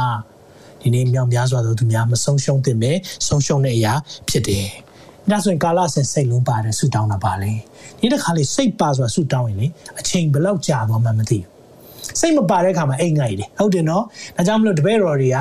ဂေဒရှင်မဥယျာဉ်မှာသွားဆူတောင်းတဲ့ခါမှာသခင်နဲ့သွားဆူတောင်းသခင်နဲ့တနာရီတောင်ဆူမတောင်းနိုင်သူတို့အိပ်ပျော်တယ်သခင်ပြန်လာကြည့်တယ်အိပ်ပျော်နေတယ်နောက်တစ်ခါသွားတယ်ပြန်လာကြည့်တယ်အိပ်ပျော်နေတယ်နောက်ဆုံးဘလောက်ပျော်ရလဲမင်းတို့ငါးနဲ့တနာရီတောင်မှမတောင်းနိုင်ပါလားဒီနေ့ဖေကကျွန်တော်တို့တနာရီတောင်းဖို့မျှော်လင့်နေနော် တခါလေကျွန်တော်တို့ဖောက်ထွင်းရတိတ်ခတ်တဲ့အချိန်အများကြီးရှိတယ်။ဆူတောင်းတဲ့ခါမှာတွေးတွေအများကြီးဝင်လာတယ်။ဆူတောင်းတဲ့ခါမှာသူများမတရားလုပ်ထားတဲ့ဟာတွေခေါင်းထဲမှာဝင်လာတဲ့ခါမှာစိတ်တူသောသားထွက်ခြင်းတယ်နော်။ဆူတောင်းနေရင်းနဲ့နော်ဖြစ်တတ်တယ်။အဲ့ဒါစာတန်လုပ်တာ။ဒီအရာတွေကနေကြော်လွှားနိုင်ဖို့ဒီဖခင်ရဲ့လက်နဲ့စုံပြီးအားလုံးတတ်စင်တာဖို့လိုတယ်။ဟာလေလုယာ။ဒီအရာကျွန်တော်တို့လက်နဲ့စုံချောင်းကိုပြောခဲ့တယ်။ကျွန်တော်ခုနပြောတယ် surprise ရှိအောင်မဲလို့ပြောထားတဲ့အရာလေးတခုလည်းပြောပြခြင်းတယ်เนาะဆိုတော့ဆက်ကြည့်ရအောင်ကဲဒီရဲ့မိခွန်းလေးတွေမဖြေပေးခင်မှာကျွန်တော် surprise လေးတခုရှိပါသေးတယ်အဲ့ဒီ surprise ကဘာလဲဆိုရင်တော့အားလုံးမှတ်မိနိုင်ဖို့ရအတွက်ကျွန်တော်လက်နက်စုံလေးတွေကိုလှုပ်ထားပေးပါတယ်เนาะဒီမှာဖျားရဲ့ဖျားသခင်ဤလက်နက်စုံများဆိုပြီးတော့ကျွန်တော်အားလုံးဒီနေ့ ရအားလုံးကိုလှုပ်ထားပေးပါတယ်ဒါလေးကိုလိုချင်နေဆိုရင်တော့အဆုံးထိနားထောင်ပါလို့เนาะဘယ်အချိန်မှဘယ်လိုယူလို့ရမလဲဆိုတာကိုပြောပြပေးပါမယ်เนาะဒါလေးတွေမှတ်မိသွားအောင်ကိုယ့်ရဲ့အိမ်မှာ note စေးထားတဲ့အခါမှာဒီຢာလေးတွေနဲ့မှတ်မိနိုင်ဖို့ရန်အတွက်စီစဉ်ထားတာဖြစ်ပါတယ်ဟုတ်ပြီပြီးကြရင်ကျွန်တော် download လုပ်နိုင်မယ့်နည်းလမ်းလေးကိုလည်းပြောပြသွားပေးမယ်เนาะဆိုတော့ကျွန်တော်ဒါတွေကိုလက်တွေ့မှာဘယ်လိုတက်ဆင်မလဲလက်တွေ့မှာဘယ်လိုမျိုးကျင့်သုံးကြမလဲဒါအရေးကြီးတယ် နော်အရေးကြီးတယ်ဆိုတော့ကျွန်တော်လုပ်တဲ့အရာလေးတစ်ခုကိုဒီနေ့သင်ပေးခြင်းတယ်မိတ်ဆွေရဲ့ဘဝမှာလည်းနော်လုပ်ကြည့်ပါလက်နဲ့စုံတွေကိုနေ့စဉ်နဲ့အများဘယ်လိုမျိုးဝစ်စင်တယ်လဲဘယ်လိုမျိုးလက်နဲ့စုံတတ်ဆင်ပြီးတော့ကျွန်တော်တို့ဆူတောင်းကြလဲเนาะဒါလေးကိုကျွန်တော်အာပြောပြခြင်းတယ်ကျွန်တော်ကျွန်တော်ရဲ့ဆူတောင်းတဲ့အရာလေးပေါ့เนาะဒါလေးတွေကိုအာအနည်းငယ်ပြောပြခြင်းတယ်အဲ့ဒါကတော့ကျွန်တော်ဘယ်လိုဆူတောင်းလဲဆိုတော့ကောင်းကင်ဘုံ၌ရှိတော်မူသောအဖဝိညာဉ်စစ်ပွဲအတွက်ကျွန်တော်အစဉ်သင်ရှိနေပါပြီ လက်နဲ့စုံများကိုဝစ်စင်ရင်ယယန်သူစာတန်ပေါ်မှာအောင်နိုင်ကြောင်းကိုကြွေးကြော်ပါတယ်အာမင်ယန်သူစာတန်ပေါ်စပြီးကြွေးကြော်တာဘာကြောင့်လဲစာတန်ကလေကျွန်တော်တို့လှည့်စားထားတယ်ကျွန်တော်တို့ကတခါလေထင်တယ်စာတန်ကိုရှုံးနေတယ်ထင်တာမဟုတ်ဘူး we are fighting from victory not for victory အောင်မြင်ဖို့တိုက်တာမဟုတ်အောင်မြင်ခြင်းကနေတိုက်တာသခင်ယေရှုအားဖြင့်အောင်မြင်ပြီးသားမိတ်ဆွေအဲ့ဒါအလိမ်မခံနဲ့နော်ဒီနေ့ ဝိညာဉ်ဆိုးတွေနတ်ဆိုးတွေကကိုယ်အမြဲတမ်းနိုင်နေတယ်အဲ့လိုထင်တတ်တယ်တကယ်တော့ကိုကခွင့်ပေးထားလို့ကိုကမသိလို့အလိမ်ခံနေရတာညနားလေစေခြင်းနဲ့ယုံကြည်သူများအလိမ်မခံရအောင်ဒီနေ့သင်ဟာအောင်မြင်တော်သူဖြစ်တယ်အောင်မြင်တော်သူထက်အောင်မြင်တော်သူဖြစ်ပြီးသားဒါပေမဲ့စစ်ပွဲပြီးပေမဲ့တိုက်ပွဲတွေမပြီးသေးဘူးเนาะဒုတိယကမ္ဘာစစ်တုန်းကပြီးပေမဲ့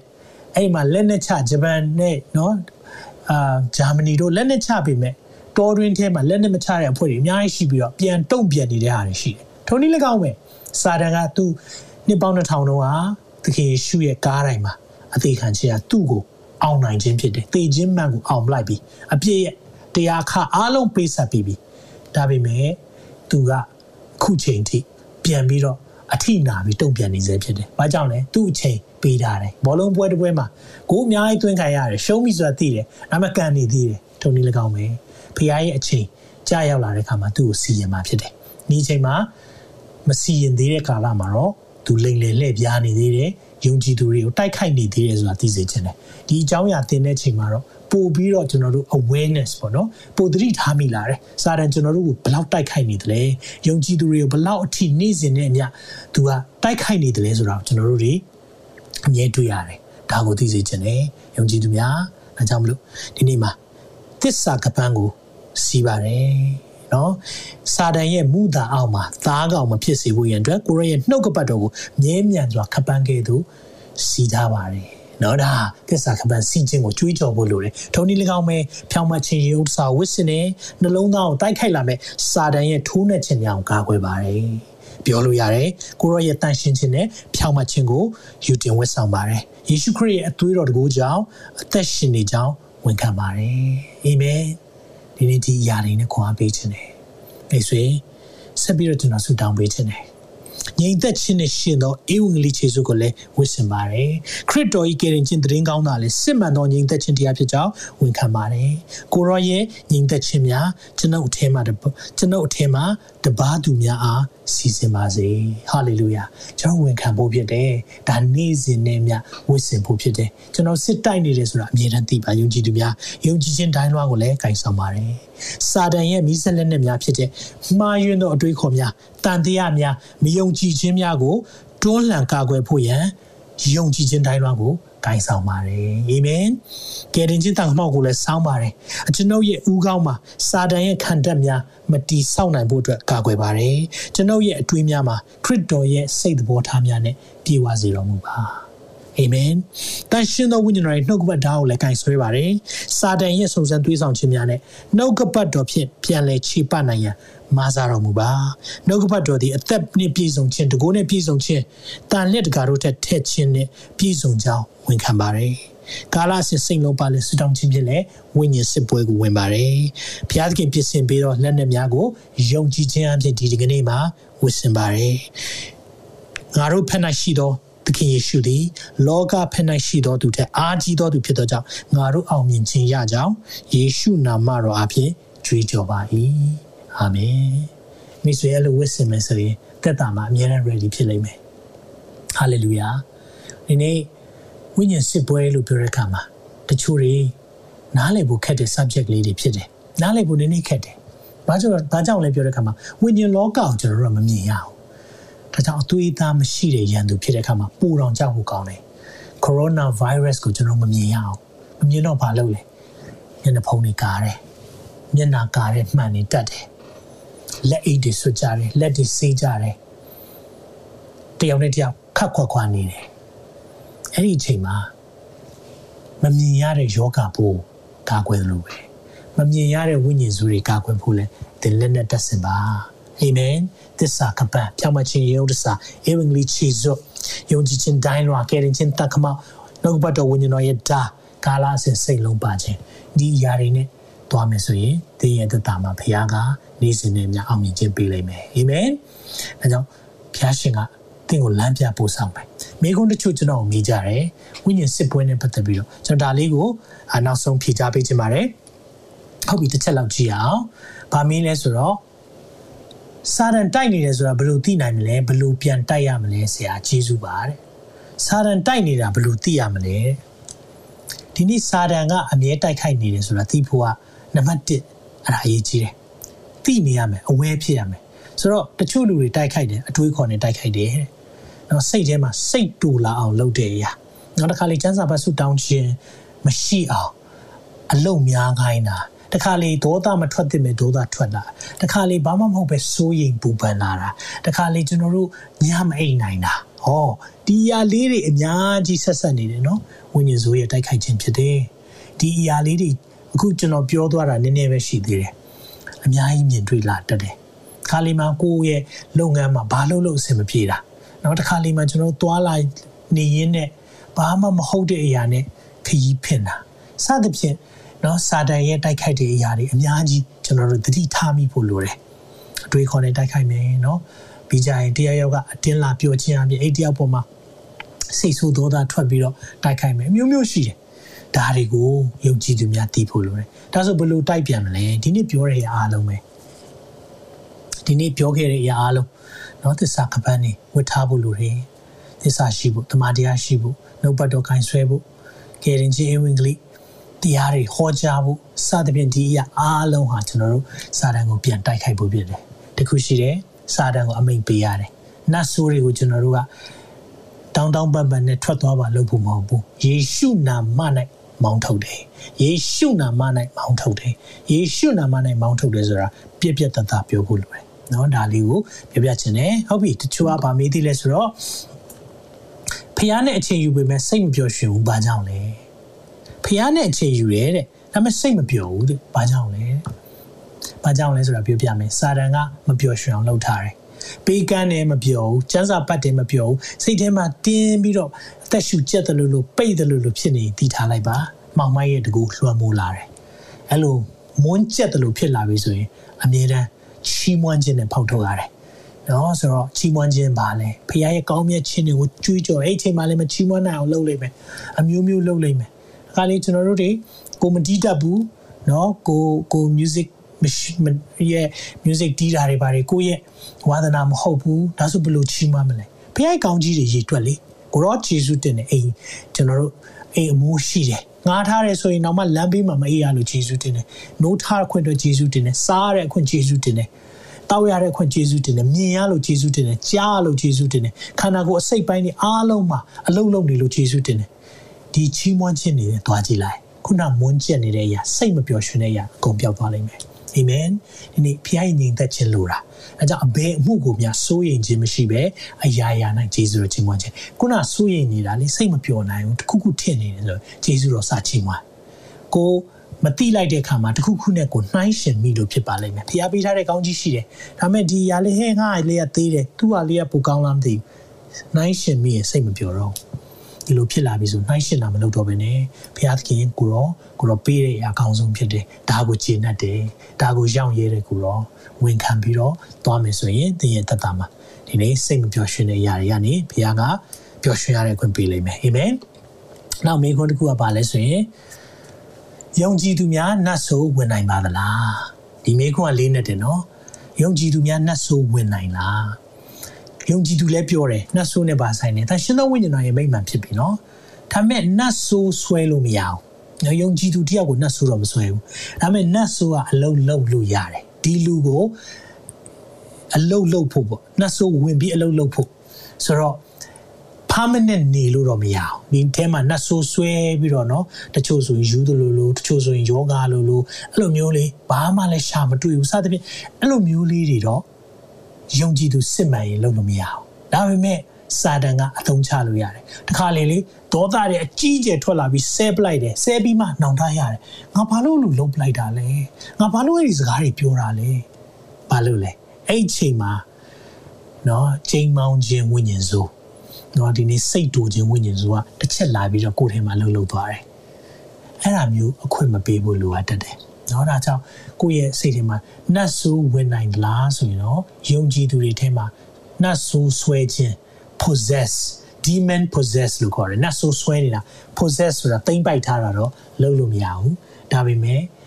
နတ်ဆိုးကနှောက်ရှက်လို့တော့ရတယ်အဲ့ဒီနှောက်ရှက်တဲ့ခါမှာကိုယ်ခဏလေးသုံးသွားတယ်နောက်တစ်ခါလေးကိုယ့်ရဲ့သက်တာမှာပြောမိသွားတယ်ဆိုမိသွားတယ်ဒါပေမဲ့ကိုကတကားဖွင့်ထားလို့ဝင်လာတာအဲ့ဒါကိုသိစေချင်တယ်နော်ဆိုတော့အဲ့ဒီအရာနဲ့ပတ်သက်ပြီးတော့ကျမ်းစာရှိလားဆိုရှိတယ် ဓမ္မရာဇဝင်ပထမဆုံးခန်းကြီး15မှာနောက်ဘသူ့ကိုပြောတဲ့အရာလဲဆိုတော့ရှမွေလကဘသူ့ကိုပြောလဲဆိုရှောလူကိုပြောတဲ့ဥစ္စာဘယ်လိုပြောလဲဆိုတော့အငယ်23မှာညင်းဆန်သောသဘောသည်နတ်ဆိုးနဲ့ပေါင်းခြင်းကဲ့သို့၎င်းညင်းဆန်တဲ့သဘောဟာနတ်ဆိုးနဲ့ပေါင်းနေတယ်ညင်းဆန်တဲ့သဘောရှိတယ်ဆိုရင်တင်နတ်ဆိုးနဲ့ပေါင်းတာတွေ့လားဒီမှာပြောထားတယ်နော်ညင်းဆန်တဲ့သဘောဟာနတ်ဆိုးနဲ့ပေါင်းတယ် ခိုင်မာသောသဘောသည်ဘေဒင်တစားကိုသုံးခြင်းခဲ့တယ်လို့ကခိုင်မာတဲ့သဘောတွေဟာမလိုအပ်ဘဲနဲ့ခိုင်မာခြင်းတွေညှင်းဆန်တဲ့သဘောရှိတာနှက်ဆိုးနဲ့ပေါင်းတယ်။ဒါကြစာပြောတာဖြစ်တယ်။သုံးတယ်ကအပြစ်ကြီးအဲ့လိုမျိုးကိုအပြစ်ကြီးတယ်လို့ပြောတယ်။ဒါကြောင့်တစ်ခါလေတချို့တွေ disobedience နော်ဆရာသမားတွေအပေါ်မှာ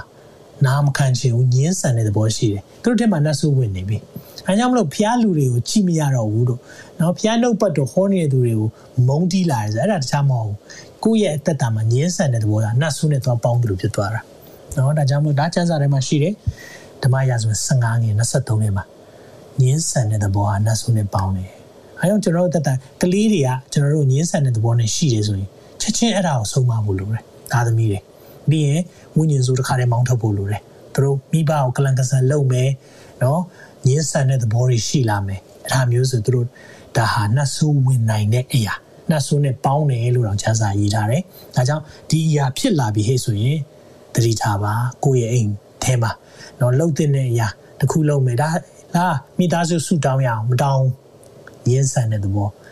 အားကျန်းစာတူဖတ်ရအောင်မဖတ်ဘူးခါတိုင်းဖတ်တယ်မဖတ်ဘူးညင်းဆန်တဲ့သဘောအဲ့ဒီညင်းဆန်တဲ့သဘောရှိရင်နတ်ဆိုးနဲ့ပေါင်းတာဒါကျန်းစာဒီလိုပဲပြောတယ်လေ နော်ဆိုတော့တခါလေကျတော့ယုံကြည်သူတွေကိုနတ်ဆိုးနဲ့ပေါင်းတယ်လို့ပြောတဲ့အခါမှာစိတ်ဆိုးကြတယ်။ဘာကြောင့်စိတ်ဆိုးလဲအထက်ကနတ်ဆိုးကဒေါကန်တာလေ။နော်ဆိုတော့တခါလေမှာကျွန်တော်တို့ကဒီຢာလေးတွေကိုသူတို့ကိုဟောပြောပြရတယ်ယုံကြည်သူတွေအဲ့လိုမလုပ်ရဘူး။ဒါနတ်ဆိုးအခွင့်ပေးနေပြီဆိုစိတ်တူတွေကြည့်မရအောင်။ပိုးပြီးနတ်ဆိုးအလုပ်လုပ်တယ်။ညင်းဆန်တဲ့သဘောရှိတာ။ဒါလေးလှုပ်လိုက်ပါနော်ဆိုလက်မခံချင်ဘူး။အာစင်ချေတွေမျိုးမျိုးပေးတယ်။ညင်းဆန်တဲ့သဘော။နော်ဆိုတော့ ခါလီမှာဒါမျိုးလေးတွေတင်းတော်တွေထဲမှာတွေ့ရတယ်အဲ့လိုဖြစ်တဲ့အခါမှာတော့ညင်းဆန်တဲ့သဘောနတ်ဆိုးနဲ့ပေါင်းတယ်တဲ့နော်ဒါကိုအဖြေရမယ်လို့ထင်ပါတယ်ဒါကြောင့်နတ်ဆိုးကျွန်တော်တို့အထဲမှာဝင်နိုင်သလား possess ပိုင်ဆိုင်ဖို့တော့လုပ်လို့မရအောင်ဒါပေမဲ့သင်ရဲ့ညင်းဆန်တဲ့သဘောရှိခြင်းကတော့နတ်ဆိုးနဲ့ပေါင်းတာနဲ့တူတယ်လို့ပဲဖြေချင်ပါတယ်ဟုတ်ပြီနောက်မိကွန်းတစ်ခုကပါမေးထားလဲဆိုရင်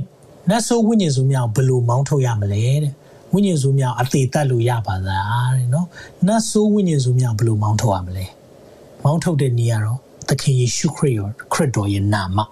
နော်ခရစ်တော်ရဲ့နာမယေရှုနာမကိုပဲကြောက်တာဖြစ်တယ်သခင်ယေရှုခရစ်တော်နာမနတ်ဆိုးတွေဟာနော်ဖျားတဆူလေးရှိတယ်ဆိုတော့ယုံနေတဲ့နတ်ဆိုးတွေကတိတာမဟုတ်တုံလှုပ်တာတဲ့နော် tremble ဆိုတော့တုံလှုပ်တာအဲ့လောက်ထိတောင်ကြောက်တာဒါကြောင့်မလို့သခင်ယေရှုခရစ်တော်နော်ဂါလိလဲအိုင်ကနေတစ်ဖက်ကိုသွားတယ် မာကု9ထဲမှာရှိတယ်အဲ့ဒီအချိန်မှာတွေ့တဲ့အခါမှာအမြင့်ဆုံးသောဖခင်ရဲ့သားတော်ငါတို့ကိုဘာလို့လာပြီးတော့ torture လုပ်တာလဲအချိန်မရောက်သေးပဲနဲ့ငါတို့ကိုဘာကြောင့်မလို့နှိပ်စက်ဖို့လာတာလဲသူတို့သိတယ်သူတို့အချိန်ပေးထားတယ်အဲ့ဒီအချိန်ရောက်မှပဲသူတို့ကိုစီရင်မယ်ဆိုသိတဲ့အခါမှာသူတို့ဖခင်ရဲ့သားတော်ယေရှုမြင်တဲ့အခါမှာဒါကြောက်တယ်လေနော်ဆိုတော့နတ်ဆိုးတွေကသိတယ်နတ်ဆိုးတွေကသိတယ်သခင်ယေရှုကိုကြောက်တယ်နော်ဖခင်ဆိုတာသိတဲ့အခါမှာကြောက်တယ် အဲကြောင့်မလို့သခင်ယေရှုနာမ၌နှင်ထုတ်ရတယ်နော်ဆိုတော့နှဆိုးလေးတွေကိုကျွန်တော်တို့ကချော့ဖို့မဟုတ်ဘူးမောင်းထုတ်ဖို့ဖြစ်တယ်နော်မောင်းထုတ်ဖို့ဖြစ်တယ်ဒီအရာကိုပြောချင်တယ်အသေးတတ်လို့ရလား no ဒါကလေကျွန်တော်နတ်ဆိုးအသေးတတ်ပါတယ်တော့ဟလားကျွန်တော်အမျိုးမျိုးတွေ့ရတယ်နတ်ဆိုးနှင်ထုတ်တဲ့အဖွဲတွေတကယ်တော့ခန္ဓာကိုယ်မရှိတာလေအသွေးသားမရှိဘူးအဲကြောင့်တို့ကိုလေအသေးတတ်လို့မရဘူးဘာလုပ်လို့ပဲရလဲဆိုတော့ချီနှောင်ပြီးတော့ဖယ်ရှားလို့ပဲရတယ်အဲဆိုရင်ပြန်လာတက်လာ ပြန်လာတတ်တယ်အမြဲပြန်လာလားအမြဲပြန်လာတတ်တယ် तू ကဒီຢာလေးနဲ့တိုက်ခိုက်လို့ရမှန်းသိရဲ့အဲ့ဒီအကွက်ကိုအမြဲတမ်းချောင်းတယ်စိတ်ဆိုးတတ်တဲ့သူတယောက်ကိုအမြဲတမ်းစိတ်ဆိုးခြင်းနှက်ကအမြဲတမ်းပြန်ပြန်လာတယ်နော်သူဖျားတရားနဲ့သွားတယ်တန်ရှင်သောဝိညာဉ်တော်နဲ့ပြေးသွားတဲ့အချိန်ကျရင်နတ်ဆိုအလုံးလုံးလို့မရအောင် ဘေးကနေကြည်နေပြီမဲ့လုံးလို့မရအောင်ဒါမဲ့သူဖျားနဲ့မသွားဘူးဆူတောင်းခြင်းမရှိဘူးစံစာပတ်ခြင်းမရှိဘူးအသက်တာမှာမမှန်တော့စကားပြောပြီးမှားလာပြီဆိုရင်လာပြီအဲ့ချိန်မှာသူပောက်ကွဲပြီးဒေါသထွက်ပြီးပြောပြီးဟာလာဆရာသမားမှမသိဟာလာဆရာမမှမသိဆဲမယ်နော်ပြောပြမယ်ဟာလာအကုန်လုံးခံစားချက်တွေဘယ်ကလာလဲနှက်ဆိုးလှုပ်လှုပ်တာဘာကြောင့်လှုပ်လဲလှုပ်လို့ရလို့ပြန်လာတယ်နော်ဒါကြောင့်မလို့ဝိညာဉ်ဇိုးတွေကအမြဲတမ်းလှုပ်လှုပ်တယ်ဆိုတာသိစေချင်တယ် အဲကျွန်တော်တကားမဖွင့်မိဖို့လိုတယ်နော်ဒါနဲ့ဆက်ဆက်ပြီးတော့အခုဆို Halloween ကျင်းပတဲ့ကာလဖြစ်နေတယ်နော်ဆိုတော့ဒါကယုံကြည်သူတွေနဲ့ပြောမယ်နော်လုံးဝမသက်ဆိုင်စာတန်ရဲ့ဘက်တော်သားအနေနဲ့စာတန်ရဲ့ priest high priest ဆိုတာစာတန်ရဲ့ယစ်ဘရဟိတ်လောက်ခဲ့ဖူးတဲ့သူတယောက်သခင်ခရစ်တော်ကိုရရှိပြီးပြောင်းလဲလာတဲ့သူเนาะကျွန်တော်ကျွန်တော်ရဲ့ personal Facebook ထဲမှာ share ထားတယ်။ तू ကဘာပြောလဲဆိုတော့ ဒီပွဲလုံးဝမလုပ်ပါနဲ့လုံးဝမလုပ်ပါနဲ့เนาะတချို့ကမသိဘူးဖယုံသီးတွေဘာတွေတဲမှာဟာလာဟင်းနေချက်ပြီးအိမ်တွေတောင်လိုက်ပို့လိုက်သေးတယ်လုံးဝမလုပ်ပါနဲ့ဒါတွေကနတ်ဆိုးကိုတကားဖွင့်ပေးတာနဲ့အတူတူပဲဟာလာကလေးတွေချူချင်းလာတောင်းတာဘာအပြစ်ရှိလို့လဲစာတန်ကမာန ရဲ့ပရိရဲ့ကျွေဝတယ်နော်ပရိရဲ့ကျွေဝတဲ့အခါမှာကလေးတွေကဒါတွေစော့ကျင်လာတယ်လုံးဝမသက်ဆိုင်ဘူးဆိုတာကိုသိစေချင်တယ်နော်ဒါယုံကြည်သူများနော်ဒါကိုကလေးတွေကိုပြီးစော့မယ်ဟာလာတစ်ခါလေးဝယ်ပေးတယ်လောက်တယ်အိမ်မှာနော်အဲ့ဒီအိမ်ကြီးကြီးပါ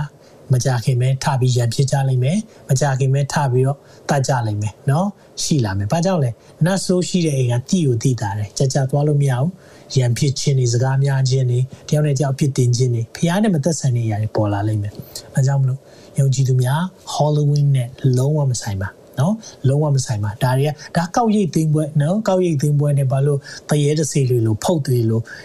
လုံနေကြတာလဲเนาะဒါတွေလုံးဝမသက်ဆိုင်ဘူးဆိုတာကိုသိစေချင်တယ်เนาะဒါကြောင့်မလို့ဒါကိုမကျင်းပပါနဲ့လို့ဒီနေရာကနေတိုက်တွန်းတယ်။နောက်မေးခွန်းကဘာလဲဆိုရင် နော်နောက်ဆုံးမေးခွန်းကတော့ဟာဒီမှာမေးခွန်းတရားဝမေးထားတယ်။ဆရာဖျားကိုကျွန်တော်စိတ်လုံးကျွေးမဲ့ယုံကြည်ပါတယ်။ရှေးဥစွာဝန်ခံပါတယ်။မေးခွန်းငယ်မေးပြရစေ။ဒီမှာဟောင်းမှာဖျားသခင်ထူရွေးချယ်ထားတဲ့သူတနည်းအားဖြင့်ဖျားရဲ့လူရှိတယ်ရွေးချယ်ထားတဲ့သူတွေထဲမှာတာမန်လူဒန်းစားရှိတယ်လို့ဂုံတီလည်းရှိတဲ့ ရှိတယ်လို့မြင်ပါတယ်အထက်ပါဖခင်ရဲ့လူ prophet ကနေတဆင့်လူတယောက်ကို၎င်းဖွဲ့စည်းကို၎င်းနိုင်ငံကို၎င်းဖခင်သခင်ကသူရွေးချယ်တော်သူရဲ့လူကနေတဆင့်သူရဲ့စကားများကိုပြောကြားစေခဲ့လို့ဆိုတာကျမ်းစာမှာသိမြင်ရပါတယ်ဒါပေမဲ့ဖခင်စကားတည်ဆောင်သူဖျားသခင်ရဲ့လူရဲ့စကားကိုနားထောင်ပြီးနားခံတဲ့သူရှိသလိုမနာခံတဲ့သူလည်းများစွာရှိတယ်။မင်းကျင်တဲ့မိကုံကဖျားရွေးချယ်တဲ့သူကလူအမြင်အကျင့်ကောင်းသူမဟုတ်လို့မယုံကြတာလား။နော်သခင်ယေရှုလာတော့လည်းမယုံ။အဲ့ဒါကိုသိစေချင်တယ် ဆိုတော့ဖះလူလို့ပြောတဲ့အခါမှာသခင်ယေရှုကိုယ်တိုင်ဖះကိုယ်တိုင်လာတော့ကလည်းမယုံဘူး။ဘာကြောင့်လဲနှလုံးသားခိုင်မာတာ။နတ်ဆိုးနဲ့ပေါင်းတာညှင်းဆန်တဲ့သဘောရှိတာ။ဒါကြောင့်မလို့ဖះလူနဲ့ဆိုင်တာမဟုတ်ဘူး။ message နဲ့လည်းဆိုင်တာမဟုတ်ဘူး။ mess နော် messenger နဲ့လည်းဆိုင်တာမဟုတ်ဘူး။ဒီနေ့သူတို့ရဲ့နှလုံးသားနဲ့ဆိုင်တာ။ဟာနှစ်ချင်းစရာယောဟန်ဆိုရင်တောမှနေတယ်နော်တရေဝတ်ထားတယ်ကြိုင်းကောင်စားတယ်ဆိုတော့သူ့ပုံစံကြည့်ရင်တော့နော်လုံးဝဟိုပုံမှန်မဖြစ်ဘူး ဒါပေမဲ့ तू ပြောတဲ့ message ကတော့နောင်တရပါအပြစ်နောင်တရပါဖခင်နိုင်ငံတော်ဒီလိုနေပြီဖခင်ကတော့လူမျိုးမျိုးသုံးပါပဲเนาะဆိုတော့ဖခင်လူဖြစ်တဲ့အခါမှာနော်သူတို့ပြောတဲ့ပုံရဆိုရင်တော့အရန်ပြည့်စုံရမယ်အဲ့လိုမဟုတ်ဘူးဖခင်လူတွေကြီးကြီးလိုက်မောရှေလူသက်သမားဖြစ်တယ်ဒါဝိတ်သူများမရအောင်ပြင်မာတော်သူဖြစ်တယ်လူသက်သမားလည်းဖြစ်တယ်နော်ကြီးကြီးလိုက်ပြည့်စုံတာမဟုတ်ဘူးနော် အာဒါဆိုရင်ဟေရှာယရောသူသူဖျားနဲ့တွေ့တဲ့အခါမှာကျွန်တော်ပါဇက်မတန့်ရှင်းတော်သူဖြစ်တယ်တဲ့ unclean lips ဆဲဆူနေတဲ့သူဖြစ်နေတာအဲ့ဒါကိုဖျားရဲ့မိခဲနဲ့တို့ပေးရတယ်ပြောချင်တာပြည့်စုံတဲ့သူတွေမလို့ဖျားသုံးတာမဟုတ်ဘူးဒါကိုနားလဲစေချင်တယ်ဒါကြောင့်မလို့ဘာကြောင့်မလို့သူတို့လက်မခံလဲလူနဲ့ပဲဆိုင်တယ်ပြောရမယ့်တာဝန်ကဖျားလူကတော့ပြောမှာပဲဒါပေမဲ့လက်ခံတဲ့သူတွေနဲ့ဆိုင်နေဆိုတာသိစေချင်တယ်နံပါတ်1မိခွန်ဒီကနေ့ကက်ကလအဆုံးပိုင်းမှာ ဖျားသခင်ကဓမ္မအောင်ခင်အတိုင်းဖျားသခင်ရွေးချယ်တဲ့သူဖျားရဲ့လူထပ်မံပြီးရှိနိုင်မလားရှိပါတယ်သင်တို့တင်ငါမလာခဲ့တဲ့ခင်မှာမောရှေနဲ့အေလိယလွတ်မယ်တော့เนาะဖခင်ကပြောထားပြီးအေလိယရဲ့ spirit spirit of elijah လွတ်မယ်တော့เนาะเนาะငါနောင်ကာလမှာလူမျိုးတကာတို့ပေါ်သူငါ၏ဝိညာဉ်သွန်လောင်းမယ်သင်ရဲ့သားသမီးတွေက prophet ညံနဲ့ဟောရမယ် เนาะဒါကြောင့်မလို့ဒီအချိန်မှာ prophet တွေမရှိတော့ဘူးလားဖះနှုတ်ပတ်တော်တော့နောင်ကာလမှာလူမျိုးတကာယောက်ျားမိန်းမအကုန်ပါတယ်เนาะအဲ့ဒီအပေါ်မှာ prophet ညံနေဟောမယ်เนาะဆိုတော့ဒါမဲ့ prophet เนาะမောရှိတို့ပုံစံမျိုးမောရှိနဲ့အေလိယကိုတော့เนาะဒါမောရှိအေလိယဒါမှမဟုတ်အေနောက်เนาะအဲ့အဲ့ဒီက witness ပေါ့တသက်ခံနှစ်ပါးကိုတော့ဘုရားလှုပ်အောင်မှာဖြစ်တယ် နော်ဒါပေမဲ့အဲ့ဒီချိန်မှာတော့ယုံကြည်သူတွေခြီဆောင်ခြင်းထဲမှာရောက်နေပြီလို့တော့မျှော်လင့်ရတယ်နော်ဆိုတော့အကြောင်းလို့နောက်ကာလမှာဘုရားရဲ့လူတွေကိုလွတ်အောင်မလားဘုရားလွတ်ပါတယ်ဘုရားသုံးပါတယ်เนาะဘုရားပြောခိုင်းတဲ့သူတွေရှိတယ်เนาะကျွန်တော်တို့ဆိုအမှုတော်ဆောင်ဖြစ်ချင်ခဲ့တာလည်းမဟုတ်ဘူးဖြစ်ဖို့လည်းရွေချက်မရှိခဲ့ဘူးဒါပေမဲ့ဘုရားရွေးကောက်ထားတော်သူဖြစ်တဲ့အခါမှာခေါ်တော်သူများရှိတယ်တဲ့ရွေးထားတဲ့လူเนาะတကယ်ရွေးထားတဲ့သူဖခင်ကအာ many are called few are chosen เนาะဖခင်ရွေးထားတဲ့သူကနည်းနည်းပဲရှိတယ်ခေါ်တဲ့သူတော့အများကြီးကိုခေါ်တယ်ဆိုတော့အဲ့လိုလူတွေဖခင်ရဲ့အစေခံဖို့သူ့အလိုလိုဖြစ်လာတာအလိုလိုဖြစ်လာဆိုဖခင်ရဲ့ခေါ်ခြင်းဖခင်ရဲ့ခွဲခတ်မှတ်သားခြင်းဖခင်ရွေးထားတဲ့သူတွေရှိတယ်ဒါကိုလည်းပြောပြချင်တယ်เนาะဟုတ်ပြီသူရဲ့တတိယမိခွန်းကပါလဲဆိုရင်เนาะဖခင်သခင်ထမ်းဖျားသခင်ထပ်မဆေးလို့မယ်ဆိုရင်ဖျားလူဟုတ်မဟုတ်ဘယ်လိုပိုင်းခြားပြီးနားလည်ရမလဲဆိုတာကိုဖြေပေးပါ အသီးကိုကြည့်ရဲ့အပင်ရဲ့သဘောသိတယ်သူ့ရဲ့လှုပ်ရက်ကိုကြည့်ရမယ်เนาะအသီးလို့ပြောတဲ့အခါမှာသူ့ရဲ့လှုပ်ရက်သူ့ရဲ့လှုပ်ရှားမှုမှာဖျားရဲ့ပါရှိခြင်းဖျားရဲ့သဘောတရားတွေတွေ့ရလားလူရဲ့သဘောတရားအနေနဲ့တော့ပြည့်စုံမှာမဟုတ်เนาะဒီနေ့ကျွန်တော်ရဲ့ personality ကျွန်တော်ရဲ့ personal ကြည့်မယ်ဆိုရင်ပြည့်စုံမှာမဟုတ်ဘူး။ဘာကြောင့်လဲလူဖြစ်တယ်ကျွန်တော်မှာ flaw ဆိုတဲ့အားနည်းခြင်းနဲ့ဟာကွက်အပြည့်ရှိတယ်။မိတ်ဆွေပြောတာတဲ့ကျွန်တော်ဘူးသိတယ်ကိုကိုယ်တိုင်ကသိဆုံးဖြစ်တယ်။ဒါပေမဲ့ ဖျားသုံးခြင်းကိုဂျေဇုတင်လားအရင်ဂျေဇုတင်တယ်။မပြည့်စုံလွန်းလို့ပြည့်စုံတဲ့အရှင်လိုတာမဟုတ်ဘူးလား။အဲကြောင့်မလို့ဖျားလူမှန်နေဆိုရင်တော့ဒီနေ့သခင်ယေရှုကိုပို့ပြီးမြင်သွားဖို့ရန်အတွက်သွန်သင်လေးရှိတယ်။အာမင်။ပြီးရင်သူတို့ရဲ့အသီးကိုကြည့်ဖို့လိုတယ်။အဲ့ဒီအရာအဖြစ်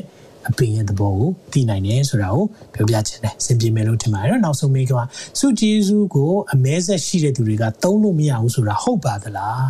စုဂျေစုဖျားရဲ့စုဂျေစုကိုအမဲဆက်ရှိရလို့အဲ့လိုပြောရင်တော့ကျန်းစာထဲမှာတယောက်မှ qualify နော်ဖြစ်တော့မှာမဟုတ်ဘူးနော်အမဲဆက်အမဲဆက်လို့ပြောတဲ့အခါမှာဘဝမှာမှားယွင်းခဲ့တဲ့သူတွေအများကြီးရှိတယ်တချို့ဆို prophet လုပ်နေရင်လည်းမှားတာရှိတယ်ဥပမာနော်ယောနာလိုမျိုးဘုရားခေါ်တယ်သွားခိုင်းတယ်မသွားဘူး เนาะဒါမျိုးတွေတောင်ရှိတာပဲဆိုတော့ဒါမျိုးတွေ့တဲ့အခါမှာဖះကအမဲဆက်ရှိတဲ့လူစုကျေးဇူးမသုံးလားမပေးတော့ဘူးလားအဲ့လိုမဟုတ်ပါဘူးကျွန်တော်ရဲ့ personal ခံယူချက်ဆိုရင်ကျွန်တော်ကိုယ်တိုင်ပြည့်စုံနေသူမဟုတ်ဘူးเนาะဘဝမှာလိုအပ်ချက်များစွာရှိတယ်ဒါပေမဲ့ဖះရဲ့စုကျေးဇူးရှိလားရှိနေတယ်ဖះရဲ့မဆာခြင်းရှိလားရှိတယ်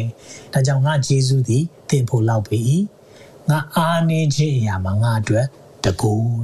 နော်သင်ရဲ့အားနေခြင်းမှာဖခင်ရဲ့တကူပို့ပေါ်လွင်စေတယ်။ဒါကြောင့်ပညာတတ်တို့ကိုအရှက်ရစေဖို့ပညာမဲ့တွေကိုရွေးတယ်တဲ့။ကျမ်းစာလို့ပြောတယ်။နော်ဒါခါလေးကျရင်ဖခင်ကရွေးလိုက်တဲ့လူတွေက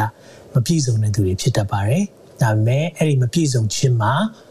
ကျွန်တော်တို့ကပြည့်စုံတဲ့အရှင်ကိုအမြင်အားကိုးဖို့တော့လိုတယ်နော်အဲ့ဒါကိုတော့သိစေချင်တယ်ဒါကြောင့်မလို့ဒီနေ့အသက်တာမှာဖျားရှင်ကလမ်းပြတယ်꿰ကားတယ်နော်အဲကြောင့်အရင်ကျေးဇူးတင်တယ်ဒီနေ့ညမှာလည်းကျွန်တော်တို့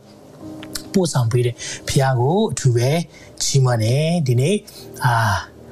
နော်ကျွန်တော်တို့နှုတ်ပတ်တော်တွေလေ့လာခဲ့ကြတယ်ဆိုတော့ဒီမှာကျွန်တော်တို့နော်ကျွန်တော်ဒီဟာလေးဘုရားသခင်ရဲ့လက်နက်စုံလေးကိုကျွန်တော်စီစဉ်ထားပေးတယ်ဒါလေးကိုကျွန်တော်တို့အစီအစဉ်အပြီးမှာမြန်မာ worship ရဲ့ Facebook စာမျက်နှာမှာကျွန်တော် file တင်ထားပေးပါမယ်အဲဒီမှာ download လုပ်ပြီးတော့ print out ထုတ်လို့ရတယ်။ဒါမှမဟုတ်ရင်အာဖုန်းထဲမှာထားလို့ရတယ်။ကိုယ့်ရဲ့သက်တာမှာဒီအရာလေးတွေကြည့်ခြင်းအဖြစ်ခွန်အားယူနိုင်မယ်လို့ မျှော်လင့်ပါတယ်။အာမင်။အဲကြောင့်မလို့ဒီနေ့ညမှာပို့ဆောင်ပေးတဲ့ဖခင်ကိုအထူးကျေးဇူးတင်တယ်။ဒီနေ့ခံယူကြတဲ့သားသမီးတွေကိုလည်းအထူးကျေးဇူးတင်တယ်။ကျွန်တော်ရဲ့သက်တာမှာဒီလက်နဲ့စုံတွေကိုနားလည်လာတဲ့နောက်ပိုင်းမှာအများကြီးရန်သူရဲ့ breed တွေကိုသိလာတယ်။ရန်သူကအဝေးကလာရင်လာမယ်မလာရင်နီးရလာမယ်။အမျိုးမျိုးလာမယ်အတွေးခေါ်နဲ့တိုက်ခိုက်မယ်။ညာမအိမ်နိုင်အောင်လုပ်မယ်။စိတ်မပြောအောင်လုပ်မယ်။ကြောင်ကချောက်ချဖြစ်အောင်လုပ်မယ်။ နော်ရန်တိုက်ပေးမယ်။ခိုးမယ်တတ်မယ်ဖြတ်စီမယ်။သူ့ရဲ့အလုပ်ပဲဖြစ်တယ်။ဒါပေမဲ့မမေ့ပါနဲ့။သခင်ယေရှုကဂရုပေးထားတယ်။ငါမူကားသိုးသိုးတို့ဒီကျွန်တော်တို့အားလုံးအသက်လွတ်ယုံမြမကအထူးသဖြင့်အသက်နဲ့ပြည့်စုံဖို့ ဖဖခင်ရဲ့တန်ရှင်းသောဝိညာဉ်တော်ကျွန်တော်တို့မန်းစားနေတယ်။စာတန်သူ့အချိန်ကုံတော့မှတည်တဲ့အခါမှာအကြီးကျယ်လှုပ်ရှားနေပေမဲ့နောင်ကာလမှာလူမျိုးတကာလို့ပေါ်တော့ငါရဲ့ဝိညာဉ်သွန်လောင်းမယ်။ဟာလေလုယာ။တန်ရှင်းသောဝိညာဉ်တော်သွန်လောင်းမဲ့ကာလလည်းဖြစ်နေတယ်။ဒါကြောင့်မလို့ကျွန်တော်တို့နောက်ဆုံးရိတ်သိမ်းပွဲချင်းမှာမိတ်ဆွေတင်တဲ့ကျွန်တော်ပါဖို့လိုတယ်။ဟာလေလုယာ။ဒီနှုတ်ကပတ်တော်တွေဖခင်ကအချိန်မီပေးတာဖြစ်တယ်။ဒီနှုတ်ကပတ်တော်တွေအခုတွေနော်ဆရာတွေလည်းဟောလာကြတယ်။အရန်ကျေးဇူးတင်တယ်။ဖခင်ကိုအရန်ကျေးဇူးတင်တယ်။ဘာကြောင့်လဲ။ တန်ရှင်သောဝိညာဉ်တော်ဖျားလှုပ်လှုပ်လာတဲ့အခါမှာယုံကြည်သူတွေသူတို့မြန်မာတွေကိုလက်နက်တွေတတ်ဆင်ပေးလာပြီယုံကြည်ပါတယ်ရိတ်သိမ်းရမယ်လဲမြေတွေစပားခင်းတွေ ဝင်းမဲ့နေတဲ့နေရာတွေအများကြီးရှိတယ်။ရိတ်သိမ့်မဲ့သူလိုနေတဲ့အခါမှာစပားရှင်ထံမှာဆူတောင်းပါဒီနေ့ဖျားထံမှာရိတ်သိမ့်မဲ့လူတွေလိုအပ်ကြအောင်ဆူတောင်းရအောင်သင်လည်းရိတ်သိမ့်တဲ့ထဲမှာပါပါစေ။ကျွန်တော်လည်းရိတ်သိမ့်တဲ့ထဲမှာပါမယ်။သင်ဘယ်ပိုင်းကပါနိုင်မလဲ။ဟာလေလုယာဒီနှုတ်ပတ်တော်ဝင်ရခြင်းကနေပါမလား။ဒါမှမဟုတ်နှုတ်ပတ်တော်ဝင်ရတဲ့အရာရှဲခြင်းကနေပါမလား။ဒါမှမဟုတ်ရင်ကိုယ့်ရဲ့မေတ္တာဆွေမျိုးတွေပြတဲ့အရာဒါမှမဟုတ်ရင်ကိုယ့်ရဲ့အိမ်နီးနားချင်းပေါ်မေတ္တာပြတဲ့အရာအမျိုးမျိုးနဲ့သင်ရဲ့သက်တာမှာပါဝင်လို့ရတယ်ဆိုတာကို ဒီနေ့ခွန်အားပေးခြင်းနဲ့တင်ထလို့လင်းလို့သင်ရင်လင်းရောက်လာပြီဖခင်ကတင့်ကိုဒီနေ့တာမန်ယုံကြည်သူအနေနဲ့ခေါ်ထားတာမဟုတ်ဘူးသူ့ရဲ့သားသမီးတော်ဝင်မျိုးရိုးအနေနဲ့ခေါ်ထားတယ်တစ်ချိန်တည်းမှာပဲမာနရဲ့ပြည့်ရည်တွေကိုစီးတားနိုင်မဲ့အကြောင်းဖခင်သခင်ပြင်ဆင်တော်မူသောလက်နှစုံဖခင်ကလက်နှစုံနဲ့ပြင်ဆင်ထားပေးတယ်အဲကြောင့်ဒီအရာတွေကိုနေ့တိုင်းဝတ်ဆင်အောင်ဒီအရာတွေအားဖြင့်ကျွန်တော်ရဲ့အသက်တာမှာ အာဂုံဆောင်ပြီးရွတ်တာမဟုတ်ဘဲနဲ့ကိုယ့်ရဲ့သက်တာမှာဖြောင့်မတ်ခြင်းတကယ်ရှိဖို့တမန်တရားတိုင်းသက်ရှင်ဖို့နှုတ်ပတ်တော်မြဲကင်ဆွဲဖို့ယုံကြည်ခြင်းကိုမှားထားဖို့ကယ်တင်ခြင်းတခမောက်လုံးကိုဆောင်းထားဖို့အေဝံဂေလိဟောဖို့ခြေစွအမြဲဆွထားဖို့ကာလဆက်စိတ်လုံးပါလဲဆုတောင်းဖို့ဟာလေလုယာဒီအရာတွေနဲ့သက်ရှင်သွားဖို့လိုတယ်အာမင်ခဏတော့စက္ကပ်ရအောင်သက်ရှင်တော်ဖျားဒီရဲ့ကိုရောပြင်ဆင်ပေးထားတဲ့လက်နက်စုံများဝိညာဉ်စစ်ပွဲအကြောင်းကိုဒီ series ကို ကိုရောအစလည်းဆုံးပါရှိလို့ယေရှုတင်တယ်နားလည်နိုင်ဖို့တန်ရှင်သောဝိညာဉ်တော်ဖြစ်အားလမ်းပြပါပို့ဆောင်ပါလူရဲ့ဉာဏ်နဲ့ဆိုရင်တော့နည်းနည်းလာပါတယ်နားလည်ဖို့ခက်ခဲလာပါတယ်တန်ရှင်သောဝိညာဉ်တော်ဖျားတမန်တရားကိုအကျွင့်မဲ့တွင်တင်ပြသတော်သူဖြစ်တယ်အဲကြောင့်ကိုရောထံမှာကျွန်တော်တို့တွေတောင်းခံပါတယ်ဒီနှုတ်ပတ်တော်များလေထဲမှာအချီးနီးမပြောက်သွားပါစေနဲ့ငါထံသို့အချီးနီးပြန်မလာရဆိုတဲ့အတိုင်းပဲကိုရောဒီရဲ့နှုတ်ပတ်တော်များနှလုံးသားများမှာမျိုးစေ့ကြလျက်အပင်ပေါက်လျက် အတီးတီးချင်းအားဖြင့်ကိုရော့ထံပြန်လာရတဲ့အခွင့်ပဲပေးပါ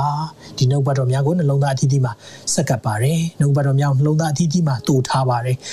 ဖျားရှင်ကိုယ်ကပေးပါတန်ရှင်သောဝိညာဉ်တော်ဖျားအပင်ပေါက်စေပါကိုရောရဲ့ကိုယ်ကချင်းကိုကြီးညာပါ၏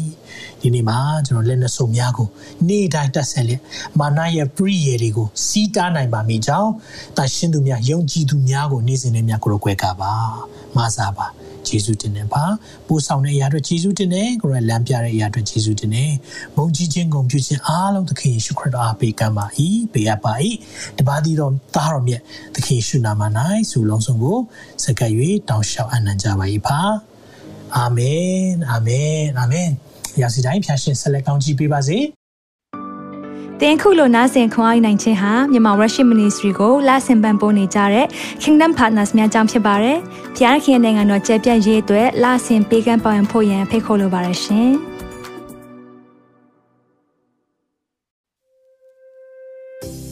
။အခုကြားနာခဲ့ရတဲ့နှုတ်ပတ်တော်အဖြစ်ခွန်အားရရှိမယ်လို့ယုံကြည်မျှော်လင့်ပါတယ်။ခွန်အားရဆိုလို့ရှိရင်ဒီတစ်ပတ်နဲ့ပြန်လည်ဝင်မြပေးဖို့ရန်တောင်းဆိုပါရစေ။ မြန်မာ Worship Ministry ရဲ့ website myanmarworship.com ကိုလည်းလာရောက်လေ့လာဖို့ရန်အတွက်ဖိတ်ခေါ်ချင်ပါတယ်။တချိန်ထဲမှာမြန်မာ Worship Ministry ရဲ့ social media platform များဖြစ်တဲ့မြန်မာ Worship YouTube Channel, မြန်မာ Worship Facebook Page နဲ့မြန်မာ Worship Instagram များကိုလည်းလာရောက်လေ့လာဖို့ရန်အတွက်ဖိတ်ခေါ်ချင်ပါတယ်။နောက်တစ်ချိန်မှာပြန်လည်ဆုံတွေ့ကြပါစို့။ဖျားရှင်ကောင်းကြီးပေးပါစေ။